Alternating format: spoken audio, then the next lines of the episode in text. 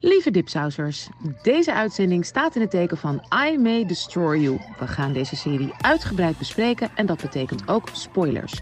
Dus mocht je nog niet hebben gekeken, dan zou ik niet verder luisteren, maar kijk absoluut naar I May Destroy You en kom dan terug bij deze speciale dipsaus uitzending. Welkom bij Dipsaus, het programma voor en door vrouwen van kleur en iedereen die geïnteresseerd is in een ander geluid. Deze aflevering nummer 56 is opgenomen op zondag 6 september vanuit Den Haag, vanuit Amsterdam en vanuit New York City. En onze gast vandaag is Damani Leidsman. Hij is singer-songwriter, bekend van de band Mushroom Moses. Hij is een danser gespecialiseerd in moderne Afrikaanse dans. Hij is een bekende in de kunstsector van Den Haag. En hij is organisator en producer. Welkom Damani. We gaan met jou praten over de, in mijn mening, allerbeste televisieserie ooit. I May Destroy You van de waanzinnige Michaela Cole. En lieve luisteraars, mijn naam is Anusha Zume en ik wil beginnen met een trigger warning. In deze aflevering zal worden gesproken over thema's rondom seksueel geweld, rondom drugs, alcohol en mentale gezondheid. Dus mocht dit te heftig voor je zijn vandaag, dan raad ik aan om iets anders te beluisteren. We hebben hartstikke veel afleveringen natuurlijk in ons archief. Kijk op onze website. Een aflevering die ik eventueel zou kunnen aanraden, is een aflevering uh, die een beetje deze thema's raakt. Onze aflevering over gemengde relaties. En dat was met de fantastische programmamaker Nicole Terborg. Yes, welkom iedereen. En mijn naam is Mariam El Maslohi. En beslis je toch om verder te luisteren, dan is het misschien belangrijk om te weten dat als je um, getriggerd wordt of vragen hebt rondom seksueel overschrijdend gedrag of seksueel geweld, kun je contact opnemen met het Centrum Seksueel, ge um, seksueel Geweld. Um, dus van de op de website kan je hulp zoeken, direct hulp met je twijfels, je vragen. En je kan ze altijd gratis bellen of met ze chatten. Ze zijn 24 uur 7 telefonisch beschikbaar. En even voor het gemak, hun nummer is 0800 0188 en hun website is www.centrumseksueelgeweld.nl. En mijn naam is EPC Bakshira Rauw. En heb je vragen over mentale gezondheid, kun je ook contact opnemen met je huisarts of jouw lokale GGZ.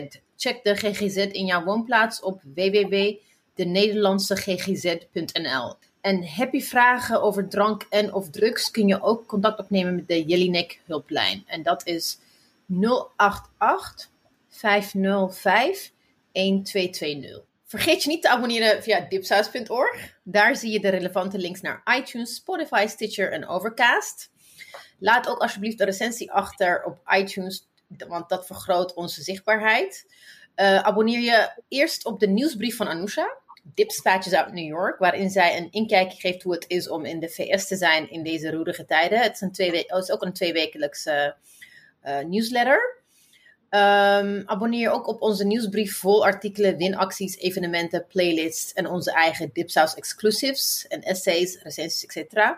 En iets nieuws, je kan ook, als je iets kan missen en ons wil helpen, geld doneren via onze homepage. Maar ook, je kan ook een abonnement nemen op Dipsaus via vriendvandeshow.nl. Dus give us the monies, the moolah. We need some moolah. Make it rain.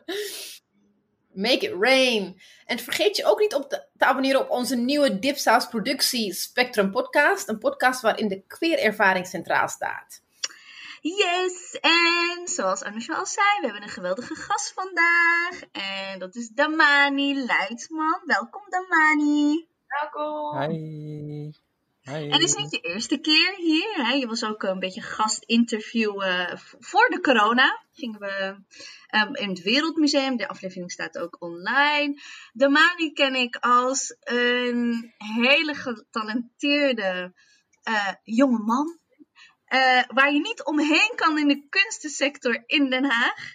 Um, outspoken, ja, een van de slimste mensen die ik ken. Dus ik ben ontzettend blij um, dat je bij ons bent. En dat we ja, toch wel een hele speciale, bijzondere, heftige serie uh, met jou kunnen bespreken. Ja, ik ben ook super blij dat ik uh, er eindelijk bij een echte Dipsaus uh, episode bij mag zijn. Ja, we zijn ook echt heel blij dat je er bent, Damani, want it has been a long time coming. want vandaag hebben we geen BBB's, omdat we echt heel veel te bespreken hebben rondom uh, de serie, de HBO-serie I May Destroy You. Ik ben zo ontzettend blij dat we vandaag gaan praten over deze ongelooflijke, prachtige, heftige serie.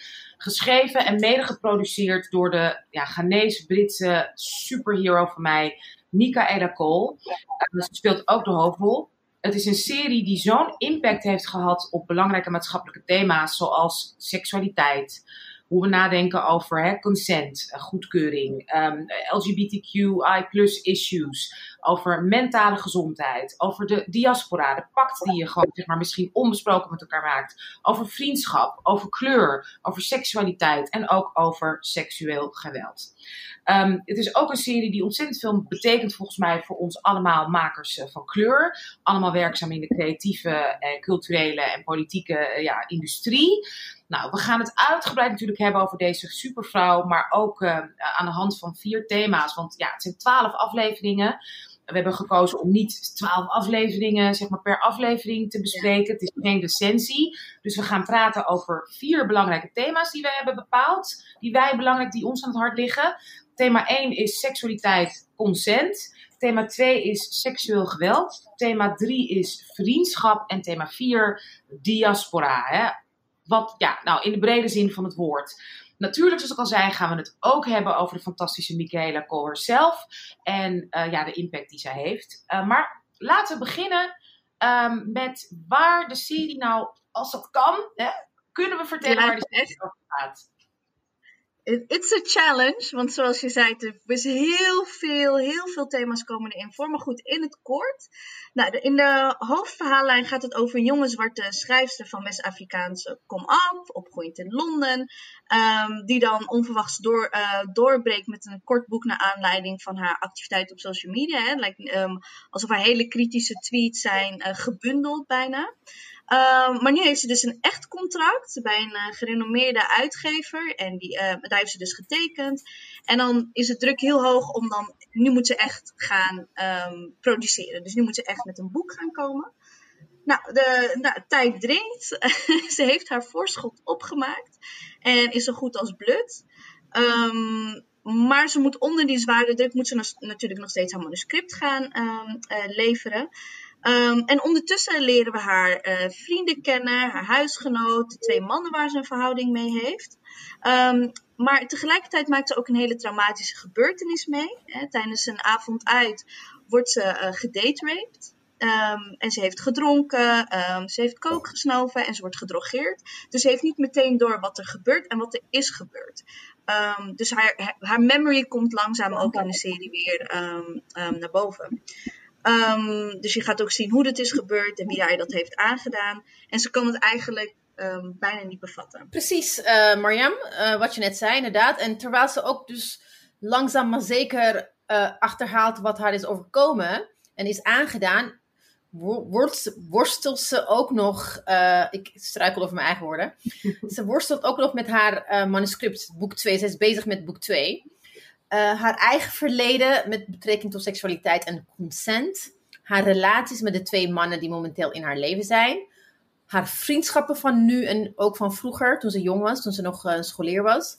Haar afkomst, haar kleur en het effect daarvan op hoe ze omgaat met wat haar is overkomen en anderen ook overkomt. En ook in relatie tot haar uh, mentale gezondheid. Je, je, ziet ook dat haar twee beste vrienden de actrice Terry en de fitnessinstructeur Kwame. Ze zijn allebei ook, volgens mij zijn ze allemaal uh, African, van Afrikaanse komaf, de, de hoofdrolspelers. Except Biagio.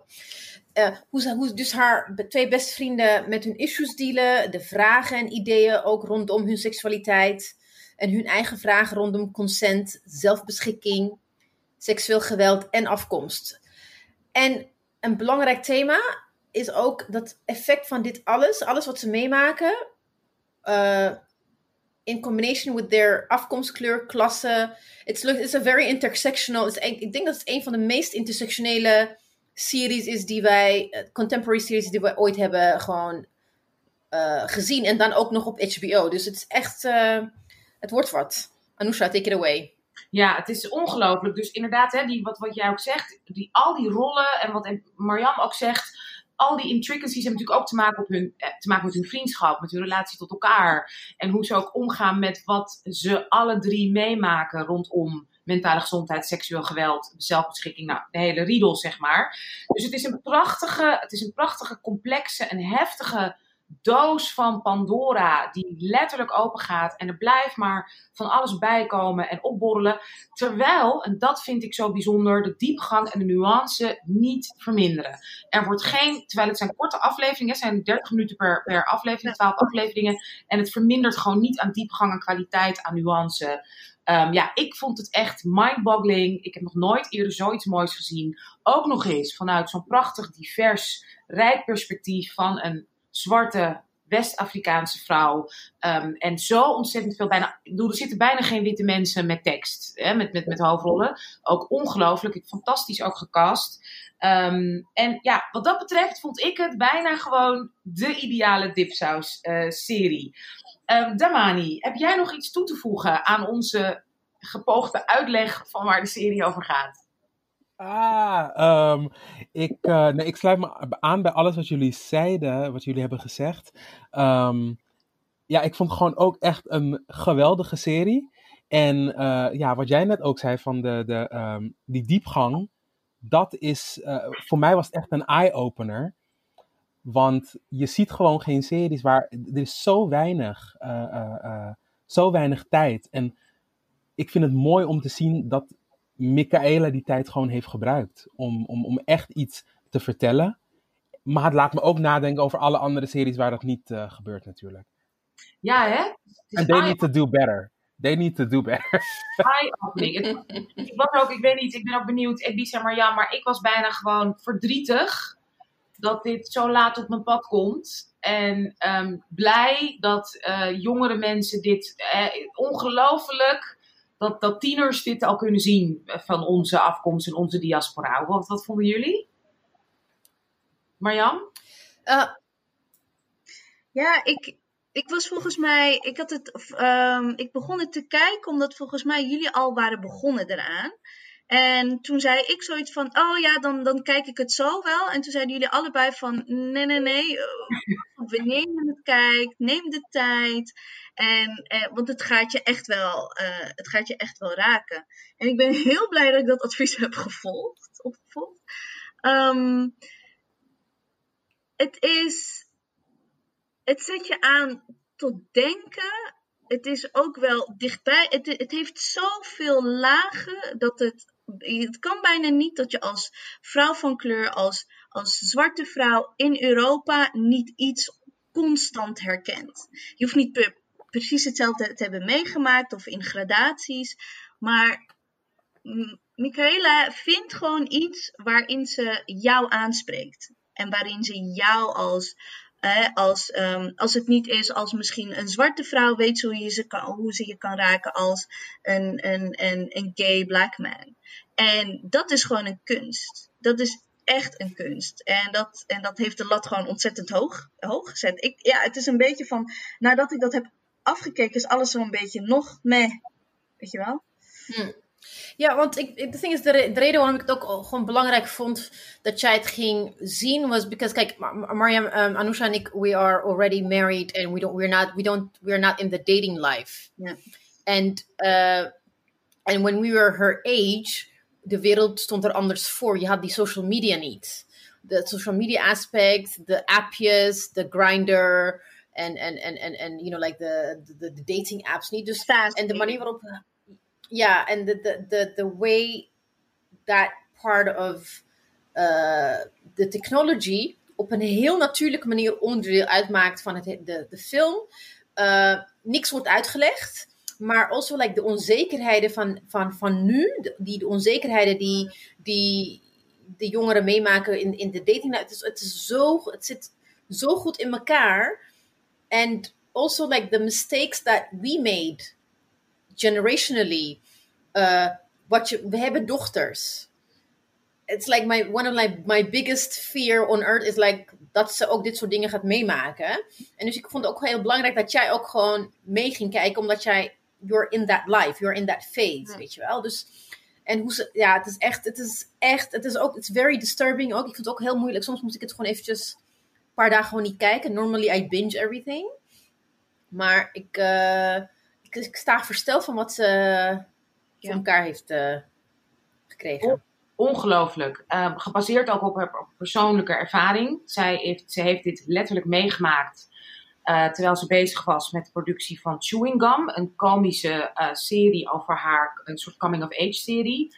Heel erg grappig over haar eigen seksualiteit. En terwijl ze bezig was met het tweede seizoen en een deadline had om een script af te maken, is ze uitgegaan en is dit gewoon met haar gebeurd. Um, ja, ze heeft geloof ik bijna 200 versies hiervan geschreven.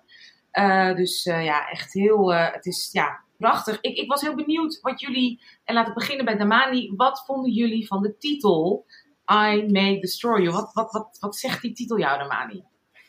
Um, Oké, ik in het begin, ik las waar het over ging. En ik was aan het hopen uh, dat ik een serie zou zien waar, nou, seksueel geweld, we knew that. En dat uh, uh, ze die man zou opzoeken en dat she would destroy him. En toen dacht ik ook bij mezelf van, oeh, oké, dat zit dus kennelijk een beetje diep bij mij.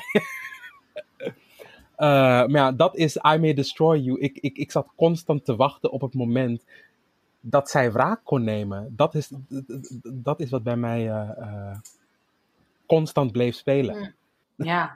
Hey, Bice, wat, wat, wat waren jouw gevoelens en gedachten ook bij die, de keuze ook van die titel?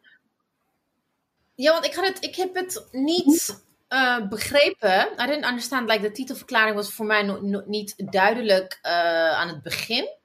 Maar um, later on, after I saw the ending. Uh, maar op een gegeven moment haar hele. Um, not necessarily obsession is not the right word yet. Obsession is ook the right word. Uh, vooral dat laatste. De, episode 12. Where she was. there were, er waren meerdere versies van een einde in haar hoofd. And one of them was where she actually tries to destroy him. Maar ik, I may destroy you how do you say it? It refers to what she wants to do, maar ook wat haar is aangedaan. En wat ze ook continu elkaar aan het doen zijn. Want slachtoffers zijn ook daders in deze series.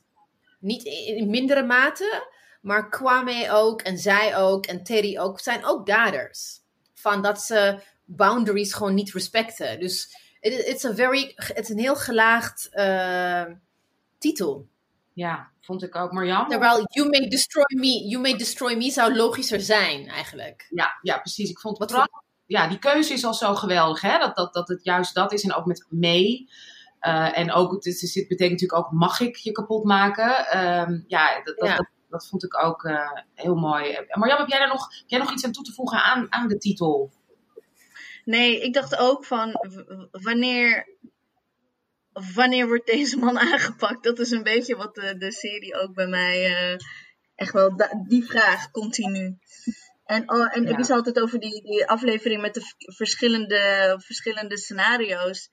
En ja, en je, ja, je bent gewoon van destroy him.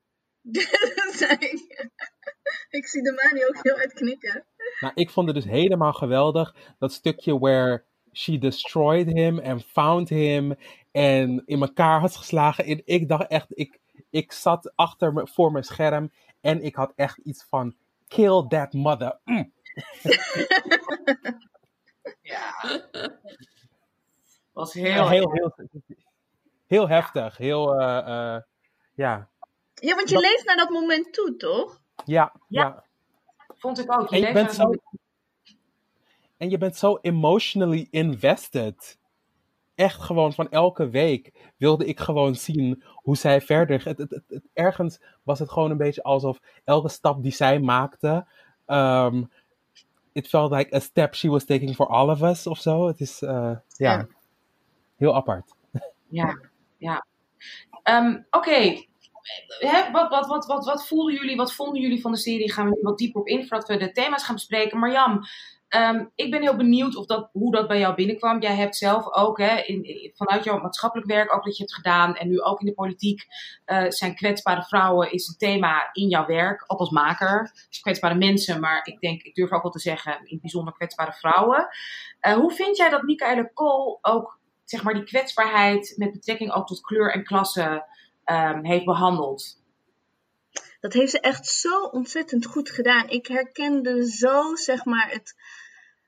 Op een gegeven moment zit ze, ehm, eh, is een eh, dan bloedt ze vanuit haar hoofd, maar dan is ze een beetje aan het lachen en dan probeert ze gewoon ook een beetje te doen alsof haar niks is um, overkomen.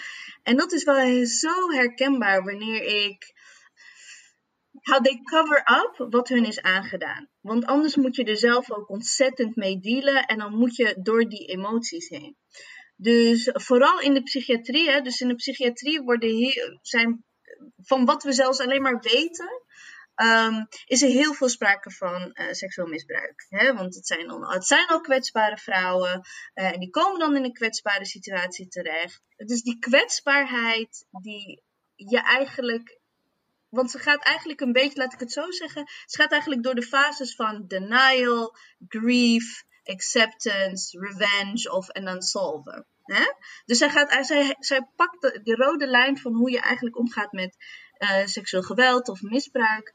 Um, dat laat ze bijna, bijna niet zo heel expliciet, maar dat is eigenlijk wel wat ze, wat ze doet. En dat heeft ze echt zo ontzettend goed gedaan. En ik moest wel ook heel vaak denken aan aan toch wel cliënten die ik heb gehad, waarvan ja, het, het, het zet zo'n stempel op je leven en het, je verliest een stukje vertrouwen in de mensheid. Je verliest een beetje vertrouwen in dat er überhaupt iets goeds is in, in, in deze wereld. En die wanhoop, dat zag je wel echt in, uh, in de serie. En ik persoonlijk herkende ook wel wanneer haar vrienden haar meenemen om even lekker te verven, weet je, creatief te zijn. En dat probeerden wij ook heel vaak met, um, weet je, zelfs als we niet expliciet wisten dat iemand um, specifiek, als het specifiek ging om seksueel misbruik, als het om misbruik gaat, weet je, get out there, ga verven. Um, zoek je kopingsmechanismen, hè, yoga of uh, sporten, gezond eten en dat soort dingen.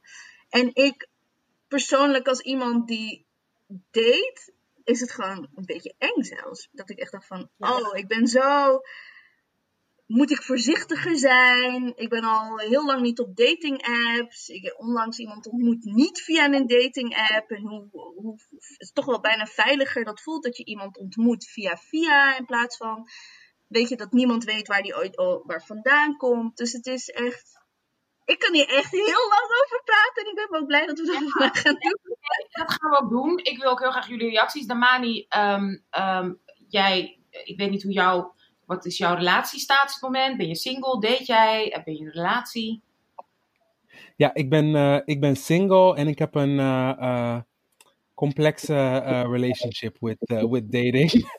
ook, dus ik herken me heel erg in wat, wat Mariam zei en dat sommige dingen ook een beetje eng zijn, omdat je het gewoon herkent. En navigating dat alles is heel, uh, uh, ja, it's, it's complicated. Very complicated. En hoe is het om die, ik vond ook de kwetsbaarheid bij Kwame ook, eh, en vond ik ook heel gecompliceerd, want hij is een man. En hij heeft, uh, hij heeft vrijwillig seks met, met mannen op, via de dating app. En terwijl je ziet dat, er, dat het ook om agency gaat, zit er ook iets heel kwetsbaars in. Um, kan jij daar iets meer over vertellen hoe jij dat zag? Hoe, was dat? Hoe hebben ze dat weergegeven? Uh, het, het, voor mij was het echt. Um, ik denk dat ik voor het eerst op tv of, of, in een serie uh, me zo heb, mezelf zo heb herkend. Want ook die hele, uh, die hele journey met. Um, dat hij eigenlijk erachter komt van hoe consent in elkaar zit. En hij is, weet je, hij is sterk. You know, he's a fitness instructor. Weet je, ik ben ook, weet je, ik ben niet, weet je, ilig. Ik ben gewoon best wel sterk.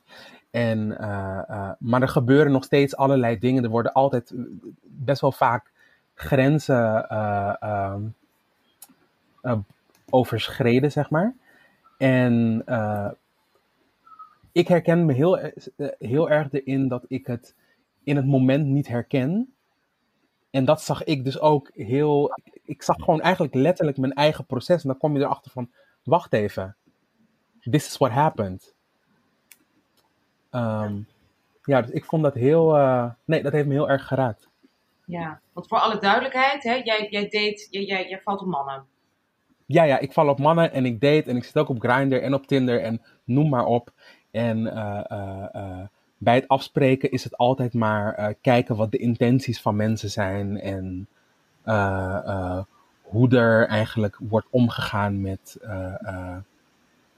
ja, met je eigen agency. Ja, en hoe lukt het jou ook om daarin je kwetsbaar op te stellen naar je vrienden toe? Is daar, uh, is, dat raakte me namelijk ook zo ontzettend. Dat hij zo alleen is daarin.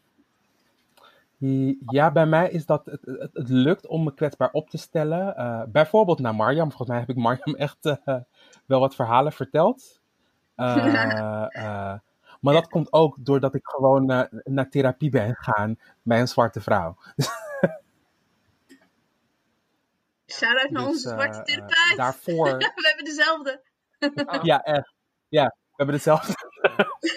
ja, maar dat, dat is het ding. Wat ik, wat ik ook wel inderdaad interessant vind, is like, it's, it's not just because he's gay, maar, maar als het gaat om uh, seksueel overschrijdend gedrag uh, die jou overkomt, en, en in, in welke gradatie dan ook, even like als er is, er, er is zoveel schaamte bij dat je niet makkelijk over praat, met wie dan ook. Het is niet, tenminste, het heeft mij, uh, it, took me years and generations om daar openlijk over te praten. Ik ben nu 43. Het was niet iets dat ik in mijn, ja, in, in, in mijn 20s makkelijk over, zelfs met mijn beste vrienden over ging praten. Dus dat, die schaamte die hij voelt, de onzekerheid. Ook toen mijn hart brak toen hij bij de, he was at the police station. Ja when he was at the police station en de black uh, police guy, ik dacht, ik wilde die gast gewoon echt slaan. Ik had onbegrip, de angst, niet mee willen dealen. En he, he, and he was also, Kwame was also unable to tell his best friend wat hem overkomen is, omdat hij, ik denk niet dat, het is niet omdat hij zich schaamt, denk ik ook. Ik denk ook omdat hij zegt, wat zij heeft meegemaakt is zoveel erger. Ik wil haar ook niet nog belasten. Dus al die, ik, ik vond het echt, um, en, en, en, wat, ja, en wat mij ook, wat ik ook confronterend vond aan dit alles, is dat sinds eigenlijk Me Too, wat naar boven is gekomen, is hoe um, complex consent is. En ook hoe you can be a card-carrying, intersectional, feminist, strong niet op je mondje gevallen, et cetera, et cetera. When shit happens to you, hoe reageer je in the moment? How do you react? And do you even recognize it? En als hmm. vrouw, en ik denk als vrouw, als zwarte vrouw en ook als een zwarte gay man, we zijn zo geconditioneerd om eerst altijd te de-escaleren. We're so conditioned, we've learned, gewoon echt lijfbehoud, because you have to protect your, you, the, the, only thing is like, geweld is reëel. Echt gewoon fysiek geweld is reëel. Dus je bent geconditioneerd om te deescaleren. Dus je gaat altijd bij jezelf zoeken. En, dat, dat vind ik nog steeds confronterend. Ja, en elkaar ook niet te veel pijn te doen, inderdaad, wat je ook net zei. Uh, wat ik ook door Mani hoor zeggen. Ik vond het ook ontzettend heftig. Bijvoorbeeld als um, tijdens het feestje, de verjaardag van Terry, um, vertelt mm. uh, Kwame over de eerste keer hè, hoe hij is maagd dat hij eigenlijk gewoon een auto in is gesleurd of uitgenodigd door twee oudere mannen. En heeft hij dus alle, met allebei de mannen seks gehad. En dan ziet hij in Terry's gezicht dat zij het heftig vindt. En voordat ze überhaupt dat kan zeggen, of kan troosten of iets of kan zeggen, maakt hij er zelf een soort sexy, leuk grapje, momentje van. Uh, van nee, maar dat was, uh, dat was mijn droom, hè? Een soort van, uh, was my dream come true, hahaha, leuk, leuk, leuk, ander onderwerp. En dat is ook, dat ik vroeg me ook af wat jullie daarvan vinden, of dat ook iets te maken heeft met onze met onze afkomst, met elkaar beschermen, met inderdaad, ehm, ja, inderdaad het handelen van de pijn. Uh, wie wil daar als eerst iets over zeggen? Nou, ik, ik moest gewoon heel erg, in die scène moest ik heel erg denken aan, hè, dan, uh, aan, aan, aan mezelf. Dan ben je uh, Nederlands-Marokkaanse. dan kom je uit best wel een, weet je, best wel, als het, als het om seksualiteit gaat, best wel een conservatief, conservatief gezin. Hè. Ik heb nooit een bloemetjes en bijtjes gesprek gehad met mijn ouders. Um, dat moest ik echt hebben van, van school. En dan krijg je echt de basic. Um, dus ik moest wel heel erg denken aan de situaties waarin ik ben geweest. die best onveilig waren, maar waarin ik niet echt het concept van consent überhaupt dat kende. Het enige waar ik eigenlijk een beetje mee bezig was, was shit, als ik nu in problemen kom, bij wie kan ik eigenlijk nog terecht? Um, nou heb ik gelukkig een zus die tien jaar ouder is. En dat is een gelukje. Um, maar als mij wat zou overkomen, en dat zie je ook binnen de relatie met, uh, met Michaela en haar ouders. Weet je, wanneer ze dan thuis is, bij de vader en moeder. Van, ja, ga je het vertellen, ga je het niet vertellen? En dat zijn wel waarin ik echt wel in situaties ben geweest waarvan ik dacht van, het had echt, echt mis kunnen gaan. Maar ook het idee van consent, hè, waar we het net over hebben gehad. En hoe je dat, weet je, door de jaren heen een andere betekenis heeft gehad. Um, dat ik ook, en dat is specifiek een jaar geleden, dat ik echt wel situaties kon bedenken waar ik dacht van, ik heb daar eigenlijk helemaal geen consent over gegeven. Dat consent dus ook werkt met een soort van terugwerkende kracht. En dat mag. Want ik dacht eigenlijk een beetje van, uh, ja, dan ben je ook extra streng voor jezelf en dan probeer je te kopen. Hè? Dan probeer je een situatie, uh, probeer je ook te verzachten voor jezelf. Van, nou, weet je, niet aan denken, dat is gewoon gebeurd en what's done is done. Um, maar dat ik mezelf ook moest, dat je kan denken van, nee, daar heb ik geen consent eigenlijk aangegeven. En, um, en die man heeft toch doorgezet, terwijl ik had ik nee gezegd, had ik geen nee gezegd. Maar dat dat mag. En dat was ook iets wat, je, wat ik voelde in die serie. Dat consent ook werkt met terugwerkende macht. Dat je het misschien niet wist op dat moment. Maar dat dat wel is gebeurd. En dat vond ik wat um, Kwame eigenlijk probeerde ook uit te leggen door, weet je, oké, nou, eindigde nou eenmaal in die auto. En, ik, en voor mij persoonlijk, ik eindigde nou eenmaal met, uh, met die man in een café waar ik veel te lang ben gebleven. En toen heeft hij zijn hand toch wel iets te lang op mijn been gezet. En toen ben ik toch wel meegegaan en et cetera, et cetera. Um, ja, dat, dat zet je wel aan het denken aan. En je moet jezelf dan ook kwetsbaar opstellen. En dat is iets waar. Um, daarom kon ik de serie niet zomaar kijken als ik niet een soort van buffer had waarin ik dat ook kon verwerken. Hm. Ja. ja, komt veel naar boven, hè? Ja, ontzettend, ja. Damani, kwam voor jou kwam veel naar boven? Ja, ja, ik denk aan, aan die specifieke uh, uh, scène van uh, zijn, zijn first time. Um, er zit een schaamte. Um, het, het, zou natuurlijk ook een dubbele laag kunnen hebben met van oké, je bent al gay. Um, maar ik denk ook een schaamte van ja, je wil het zelf. En uh, um, dus je hebt, weet je, we horen heel vaak van ja, je bent er toch zelf bij. Is ook iets wat ik zelf in het verleden heel vaak heb gezegd. Mm. Van ja, ik was er zelf bij, ik wilde het niet, ik, ik wilde het zelf en uh, uh, het is gewoon anders gegaan dan ik had uh, gehoopt of dan ik had verwacht. Uh, en daar moet ik de volgende keer dan beter op letten. En ik denk dat we. Het, het, is die conditioning waardoor we gewend zijn om alles maar bij onszelf te gaan zoeken. Hyper individualistisch, alsof we seks hebben met onszelf, weet je? Which is some bullshit. Punt dat ik wilde maken met betrekking tot consent, wat ik interessant vind om naar te kijken, zeker natuurlijk als, eh, als oudste van ons vieren, uh, dat er juridisch is er een soort duidelijke lijn als je kijkt naar consent als je minderjarig bent. Dus ook al wil je met leuke, spannende mannen in een auto stappen en ook al heb je dat gedaan, je kan geen consent geven als je minderjarig bent. En dat, is, dat, hè, dat betekent niet dat je geen seksuele gevoelens kan hebben, maar je kan geen consent geven. Dus het is niet jouw schuld. Uh, het is weer lastiger als je twee minderjarigen hebt, maar als je één minderjarige persoon bent, je stapt in een auto met twee oudere, leukere mannen die, ik weet wat met je wil doen, jij hebt er ook zin in, dan kan je dus daarin ook gesterkt en hopelijk ook gesteund worden. Dat, dat, dus, dat die mannen, andere mensen mogen dat niet doen met jou. Punt uit maakt het weer lastiger als je ouder bent. En, uh, want ja, dan is zoiets wat, wat qua is overkomen, uh, is weer veel moeilijker juridisch. En dat geeft dus ook minder bescherming. En zie je daarin dus ook het verschil met hoe politie hè, met, betrek, hè, met, met Michaela Kool omgaat, met, uh, met Arabella, versus hoe ze met Kwame omgaan. Um, nou ja, in hoeverre het verschil dus is, wat jij daarvan vindt. Dat je dus als jonge jongen meer wordt beschermd dan als oudere jongen, als man. Ja. Ja, dus. Ik vond sowieso, ook qua bescherming, ik, ik ben dus achter, eh, wat ik interessant vond, ik weet, ik, wat, en waar ik nieuwsgierig naar was, wat ik niet heb uitgezocht, is hoe dat werkt in Nederland. Want bepaalde dingen die als non-consensual uh, seks dus als verkrachting gelden in Engeland, is ook bijvoorbeeld dat je dus uh, wanneer uh, Zane zonder haar te vertellen zijn condoom uh, heeft afgehaald, dat, dat is gewoon in, in, in UK, het is strafbaar. Ik weet niet wat, hoe, hoe het is hier.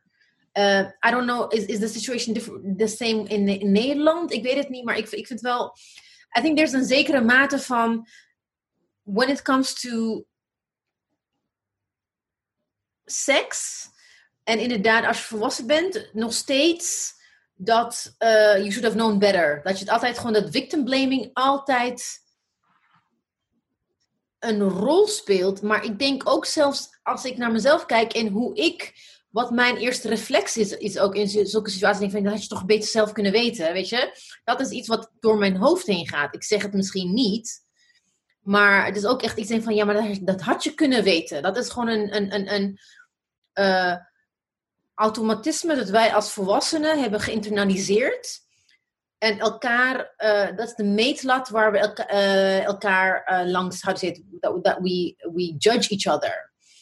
And it is something that we don't think about, it is something that we don't talk about. Ik, ik zeg wie, ik moet gewoon zeggen ik. Het is iets dat ik er niet over nadenk, niet, niet zo bewust over nadenk en, en waardoor um, deze serie mij heel veel aan het denken heeft gezet, maar ook over. Um, zelfs even if you're in a relationship, hè? Uh, zelfs als je in een relatie bent, je hebt geen zin, maar omdat je geen zin hebt om, om, om, om conflict te vermijden, je doet het toch. Hoe vaak zijn we niet in zo'n situatie geweest? Dat je, de, toch, dat je toch denkt van, uh, dat je het toch hey. doet because, you know? Je hebt geen zin in ruzie, je hebt al drie ja. keer nee gezegd deze week. Ja. Uh, ja. Nee, absoluut. En absoluut. weten jullie nog dat in 2017, ik weet niet of jullie dat kunnen herinneren, in, uh, in de New Yorker, er was uh, een, een, een, een short story, het heet Cat Person, went viral about a dating. Dat één date van een man en een vrouw. Het, uh, het was een short story, it went viral. Ze heeft ook gewoon echt een, een mega deal gekregen en het boek is geflopt. Even een side issue. Maar het, was, het was een story waar een 20-jarige college student, uh, she falls into flirtation with this guy. En terwijl ze aan het flirten zijn, terwijl ze aan het daten zijn, ze heeft eigenlijk geen zin in hem. Ze vindt hem niet interessant. Maar omdat she wants to be liked. Because she wants to be liked, ze stemt er toch in. Ze gaat toch met hem naar bed, terwijl hij haar echt shitty aan het laten voelen is. En wat gebeurt dan at, at, at the end of the, the, the, the, the short story? He calls her a whore. Omdat ze gewoon niet reageerde zoals hij had gewild. En het is, en, en, maar hoe ze het heeft beschreven, is het, je ziet het gradually van gewone flirtations, hoe, hoe het, dat slippery slope, dat erin sloopt, dat je niet doorhebt. Terwijl je denkt van, ik moet nu weg, ik moet nu weg, ik moet nog stoppen, maar dat doet ze niet. En ja. ze gaat toch verder. En omdat hij heeft verwachtingen, dus ze gaat toch verder, want hij heeft verwachtingen. En omdat ze hem zover heeft laten komen, voelt ze zich schuldig. Dus ze gaat gewoon, she goes for it. En, en, en dat zijn de dingen die, hoe vaak zijn we niet in zulke situaties geweest? En hoe vaak zullen we ook in zulke situaties zijn? Wanneer, when are we going to learn to actually say when no is gewoon no. En dat mensen dat ook gewoon accepteren. Ik weet het niet. Ik, vind, ik vond het, daarom vind ik vind het een heel confronterend uh, serie. Damani, je wil iets zeggen? Ja, ja, ik denk dat dat ook te maken heeft met een soort, uh, uh, nou, wat Anousha net al aangaf, van als kind word je beschermd en soort van door de wet. En daarna, kijk, het is niet alsof je opeens op de dag dat je 18 wordt meer hebt geleerd, dat je opeens weet van, hey, uh, dit zijn mijn grenzen en zo kan ik ze aangeven. Dus je wordt in het diepe gegooid. En zelfs door het te ervaren en dat het vervelend is en dat het, het, je pijn doet, leer je nog steeds niet om die grenzen aan te geven. Uh, dat is wat voor mij heel erg naar voren kwam. En het is, uh, it, it's, kind of depressing. Maar ik denk ook dat het is omdat er een, een, eigenlijk geen focus is op plezier als het gaat om seks. Bijvoorbeeld als het gaat om de eerste keer dan ga je opscheppen. Hé, hey, ik heb seks gehad. Uh, uh, dit is heel erg over, uh, heel erg een male perspectief. Hè? En, maar de vraag is niet, vond je het leuk? Was het oké? Okay? De eerste reactie is, oh ja, goed gedaan. Ja, leuk. Oh, nice. maar als we dat, ge dat gesprek niet verder kunnen brengen naar van, did you enjoy it? Dan komt het ook niet van, oké, okay, en if you didn't enjoy it, dan bestaat daar ook geen ruimte voor. Ja, ja absoluut. Ik, ik, hoe, hoe kijk, eh, mijn generatie is echt nog. Ik ben gewoon gewend om, um, om hoer genoemd te worden door mannen. Um, toen ik opgroeide was dat compleet normaal. Uh, ik ben nu 50, dus ja, dat was gewoon normaal in mijn tijd. Dat, oh nee, met jongens, die worden altijd agressief, die worden boos als ze een zin niet krijgen. Dus dat moet je gewoon weten dat was voor mij, voordat ik überhaupt seks had, uh, als tiener was, dat, was ik dat gewoon gewend. Als je het niet wilde, werd je het genoemd door een jongen die je hartstikke leuk vond, waar je misschien al maanden een soort ding mee was. En als je dan toch niet verder ging, want ik had zoiets van, ja, ik ben 17, ik wil dit nog helemaal niet. Dan was ik een hoer en dan wist mijn hele school dat. En uh, ik heb zelfs gelogen dat ik wel seks had gehad om een soort van vanaf te zijn. Dat ik niet die ene maagd nog was. Weet je, ik heb gewoon gelogen tegen mijn vriendinnen. En gezegd dat ik seks had met die jongen. Just, you know, to have a story. En dat ik er ook bij hoorde. Dus dat is zo ontzettend confronterend om dit te zien en om dit nu um, mee te maken. En ook um, te zien. Aan de ene kant is er heel veel, lijkt er veel veranderd, lijkt er meer veranderd.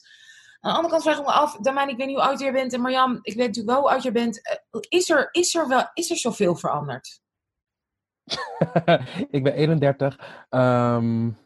Jonger dan Michaela Kool, die is, drie, die is bijna 33, die is 33 hè? Die is van, ja, die is van 87. Ja, jullie zijn van 92? 90. 89. no. ik denk het ook niet. Ik denk dat het, uh, ik denk dat het gewoon in een ander jasje zit. Ja, en, maar het is nog steeds boys will be boys. Ja. Dat is het nog steeds heel erg. En, um, dus het is een soort van. Uh, het, het, het, het, het was toen al genormaliseerd, dus eigenlijk gewoon, uh, gewoon geweld het is gewoon geweld. Het is niet, uh, maybe that's what it is, weet je. Um, en dat is het nog steeds. En er is nog steeds niet echt een, een soort van framework of iets dat we meekrijgen uh, om daarmee om te gaan. Ja, ik heb even opgezocht. Um, stelving is zover ik het kan vinden in Nederland niet strafbaar. Dus stelving is zonder toestemming condoom afdoen tijdens de seks. In Zwitserland bijvoorbeeld wel is het strafbaar. In Engeland is het strafbaar. Uh, in Nederland is er nauwelijks onderzoek naar gedaan. Het is een interessant artikel op Shout-out naar One World hierover. Um, als je het googelt. Um, in ja, dus zover ik kan zien is het in Nederland nog niet strafbaar. En, ik vroeg me ook af hoe het is, Damani, weet je, bij mannen is natuurlijk helemaal ook nog eens het, uh, het, uh, zeg maar het narratief van, ja, maar mannen willen altijd seks. Die willen, al, die willen altijd zien. Gay mannen natuurlijk helemaal. Twee mannen, nou, dat is nu 100%. En zwarte mannen, daar hè, hangt natuurlijk ook nog eens helemaal de gezellige stadmuffin uh, um, label op. Hoe heb jij dat als jonge man als jonge gay man weten te navigeren en handelen? En wat zag je daarvan terug? Of kwam er bij je naar boven bij het kijken naar um, uh, I Made a Story? Nou, wat, wat naar, voren, naar voren kwam is dat ik, uh, uh, dat ik dacht dat ik het aan het navigeren was. maar dat, dat was niet zo. Dus dat, daar, dat is gewoon heel, heel confronterend. Om gewoon, ja, gewoon letterlijk de situaties daar, daar heb ik gewoon ingestaan. Dat, uh, dus ik en weet dat besefte dat... je toen niet? Dat besef, dat zie je nu pas. Nu snap ja, je ik, pas... Ik, ik, ik weet dat ik het vervelend vond in het moment. Van of dat ik... weet je, ik had eigenlijk geen zin. Maar ja, weet je, je gaat toch... we zouden naar het theater gaan en toen ging de theatervoorstelling niet door. En toen heeft hij aangeboden om te gaan koken bij hem thuis. En achteraf dan denk je van... Oh ja, weet je, had ik beter. Dat was mijn eerste reactie. En de, volgende dag denk je dan van: ach ja, you should have known better. Je gaat toch niet bij zijn huis, bij zijn huis afspreken. Maar er is dan wel een grens uh, uh, overschreden. In Noord-Europa, ik geloof in Zweden of Noorwegen, ik weet niet precies, is nu is, is consent wettelijk vastgesteld. Dus je bent als persoon strafbaar als je geen duidelijke ja hebt gehad van je seksuele partner. Ja, en ik, ik denk dat dat ook, uh, dat is ook heel complex. Want ik, ik ga gewoon heel eerlijk zijn. ik, eh, en dat is natuurlijk ook gewoon de conditioning van wat we door tv meekrijgen en alles. Maar ik word er niet per se heel warm van als ik, eh, als ik mij voorstel van oké, weet je, ik, ik ontmoet een of andere superleuke guy en we komen eindelijk op dat moment. En dan, ja, is dit oké? Ja? Is this, a, is this a firm yes? Weet je, het, het, het, het klinkt niet sexy voor mij. En ik vind het heel moeilijk. Ik weet dat het zo hoort. Het is een buskill. Maar het, het, het voelt, het voelt heel eh, eh, onnatuurlijk. Maar is dat niet ook gewoon conditionering inderdaad? Ja, maar dat, dat, dat, dat, dat, is, dat is denk ik conditionering. Maar ik weet nog niet hoe ik die conditionering moet eh, eh, verbreken. Ja, wel, ja, heel grappig, want ik vind het heel fijn als, als mij dat wordt gevraagd. Ehm, en daar hebben de Mani en ik het ook heel vaak over gehad. Ik vind het heel fijn als iemand zegt, is dit oké? Is dat oké? En het moet niet, een uur lang de hele tijd mijn vragen, snap je? Eh, maar ik snap die conditionering wel van, ja, het is niet sexy en toch ook een beetje hè, lekker eh, spannend en eh, um, maybe even on the edge, weet je wel? Maar ik merk wel zelf dat ik het heel fijn vind ehm, wanneer mij wel gevraagd is dit oké, are you comfortable, Ehm, eh, wil je blijven, wil je weg, wil je nog wat drinken, wil je hier blijven? Ehm, dus ja, dat, dat vind ik wel heel, dat, I've learned to appreciate it. Ja, ik, ik, denk ook dat het heel erg is het eh, eh, überhaupt het communiceren tijdens seks moet ook nog een beetje genormaliseerd worden. En ja, dat consent is daar dus gewoon een onderdeel van. En we leren dat toch helemaal niet? Nee. Nee, Nee, ik heb mij niemand geleerd hoor. Wie leer je dat? Waar leer je dat? Ik bedoel, ja, ik heb wel eens vaker verteld in Dipsaus, wel, eh, jaren tachtig kind. En bij ons kwam zo'n, eh, kwamen twee van die sekscounselors langs, een man en vrouw. Die gingen in de kring zitten en die gingen erover praten en soort van half dingen voordoen en navertellen. En wij zaten allemaal gewoon in onze jas, helemaal zo van wie masturbeert er wel eens? En dan staken ze allebei zelf een vinger op en gingen ze ook uitleggen hoe ze dat deden. En weet ik veel, helemaal zo'n geur en kleur, weet je, echt zo'n 1984. Oh wow. Maar het is bizar hoe vaak ik daar nog aan terug heb gedacht, nog later. Want dat was het enige, weet je, het was ook twee uur, d- zo'n dubbel uur, weet je wel, eh, waar, waar dat zo uitgebreid door man en vrouw, en hij was ook gay en vertelde daar ook over, het zo over is gesproken. Dat we toch een beetje les erin kregen. En, ehm, en mijn, moe, ik, ja, mijn moeder is wel, ja, die was wel ook heel erg van, het is, het is, het is eigenlijk al vreselijk seks. Maar je moet wel weten hoe het werkt. En die was wel zo huppakee, we gaan met de spiegel eens even kijken hoe het allemaal zit en zo. Dus dat was ook, ook vreselijk cringe. Maar dat is niet technisch. Technisch, ja. Maar ik ben wel blij dat ik het heb gezien. Dus, ja, maar dat ding, het, het is technisch. Die, die technisch heb ik ook nog gewoon niet gehad. Ook niet op school. Ehm, want ik was 14 toen ik naar Nederland kwam. Dus het is een beetje te laat. Mijn moeder... Miss that boat. did my mom tell us about the birds and the bees? Nee, alleen dat ik, onge- dat ik ongesteld zou worden. Dat is het enige. En nu moet je... En dat is ook gewoon te laat. Ja. Ik was- Ik was al 13 of zo. When she told me dat ik misschien ongesteld... Ik wist, ik wist het al, because I've seen her bleed en my tantes en dat soort dingen. maar eh, over ook communiceren tijdens seks. Hoe? When? Who told us what? When? ook met relaties denk ik van, eh, het is toch een beetje de, eh, het ideaalbeeld of het romantische beeld van, oh je ziet elkaar, je hoeft, geen, je hoeft niks te zeggen, ik, ik, weet je, I can read your mind, helemaal geweldig. Maar ja, zo werkt het natuurlijk niet. Nee. Van giechelen. ja. En ik zeg het dus tegen mijn kinderen. Ik, heb, ik, ik zeg ik ook, ik weet, het is niks zo erg dat je het van mij moet horen, maar ik zeg het, want als ik het niet zeg, wie zegt het dan? Ja. En dan kom ik weer met een of ander onderwerp, of als we het zien, dan stop ik de tv. Weet je, ik, heb, ik heb met mijn kinderen dus ook, ik kijk ook bewust sex education, omdat ik het gewoon belangrijk vind dat al die thema's aan bod komen. En dan stop ik ook en dan ga je vertellen.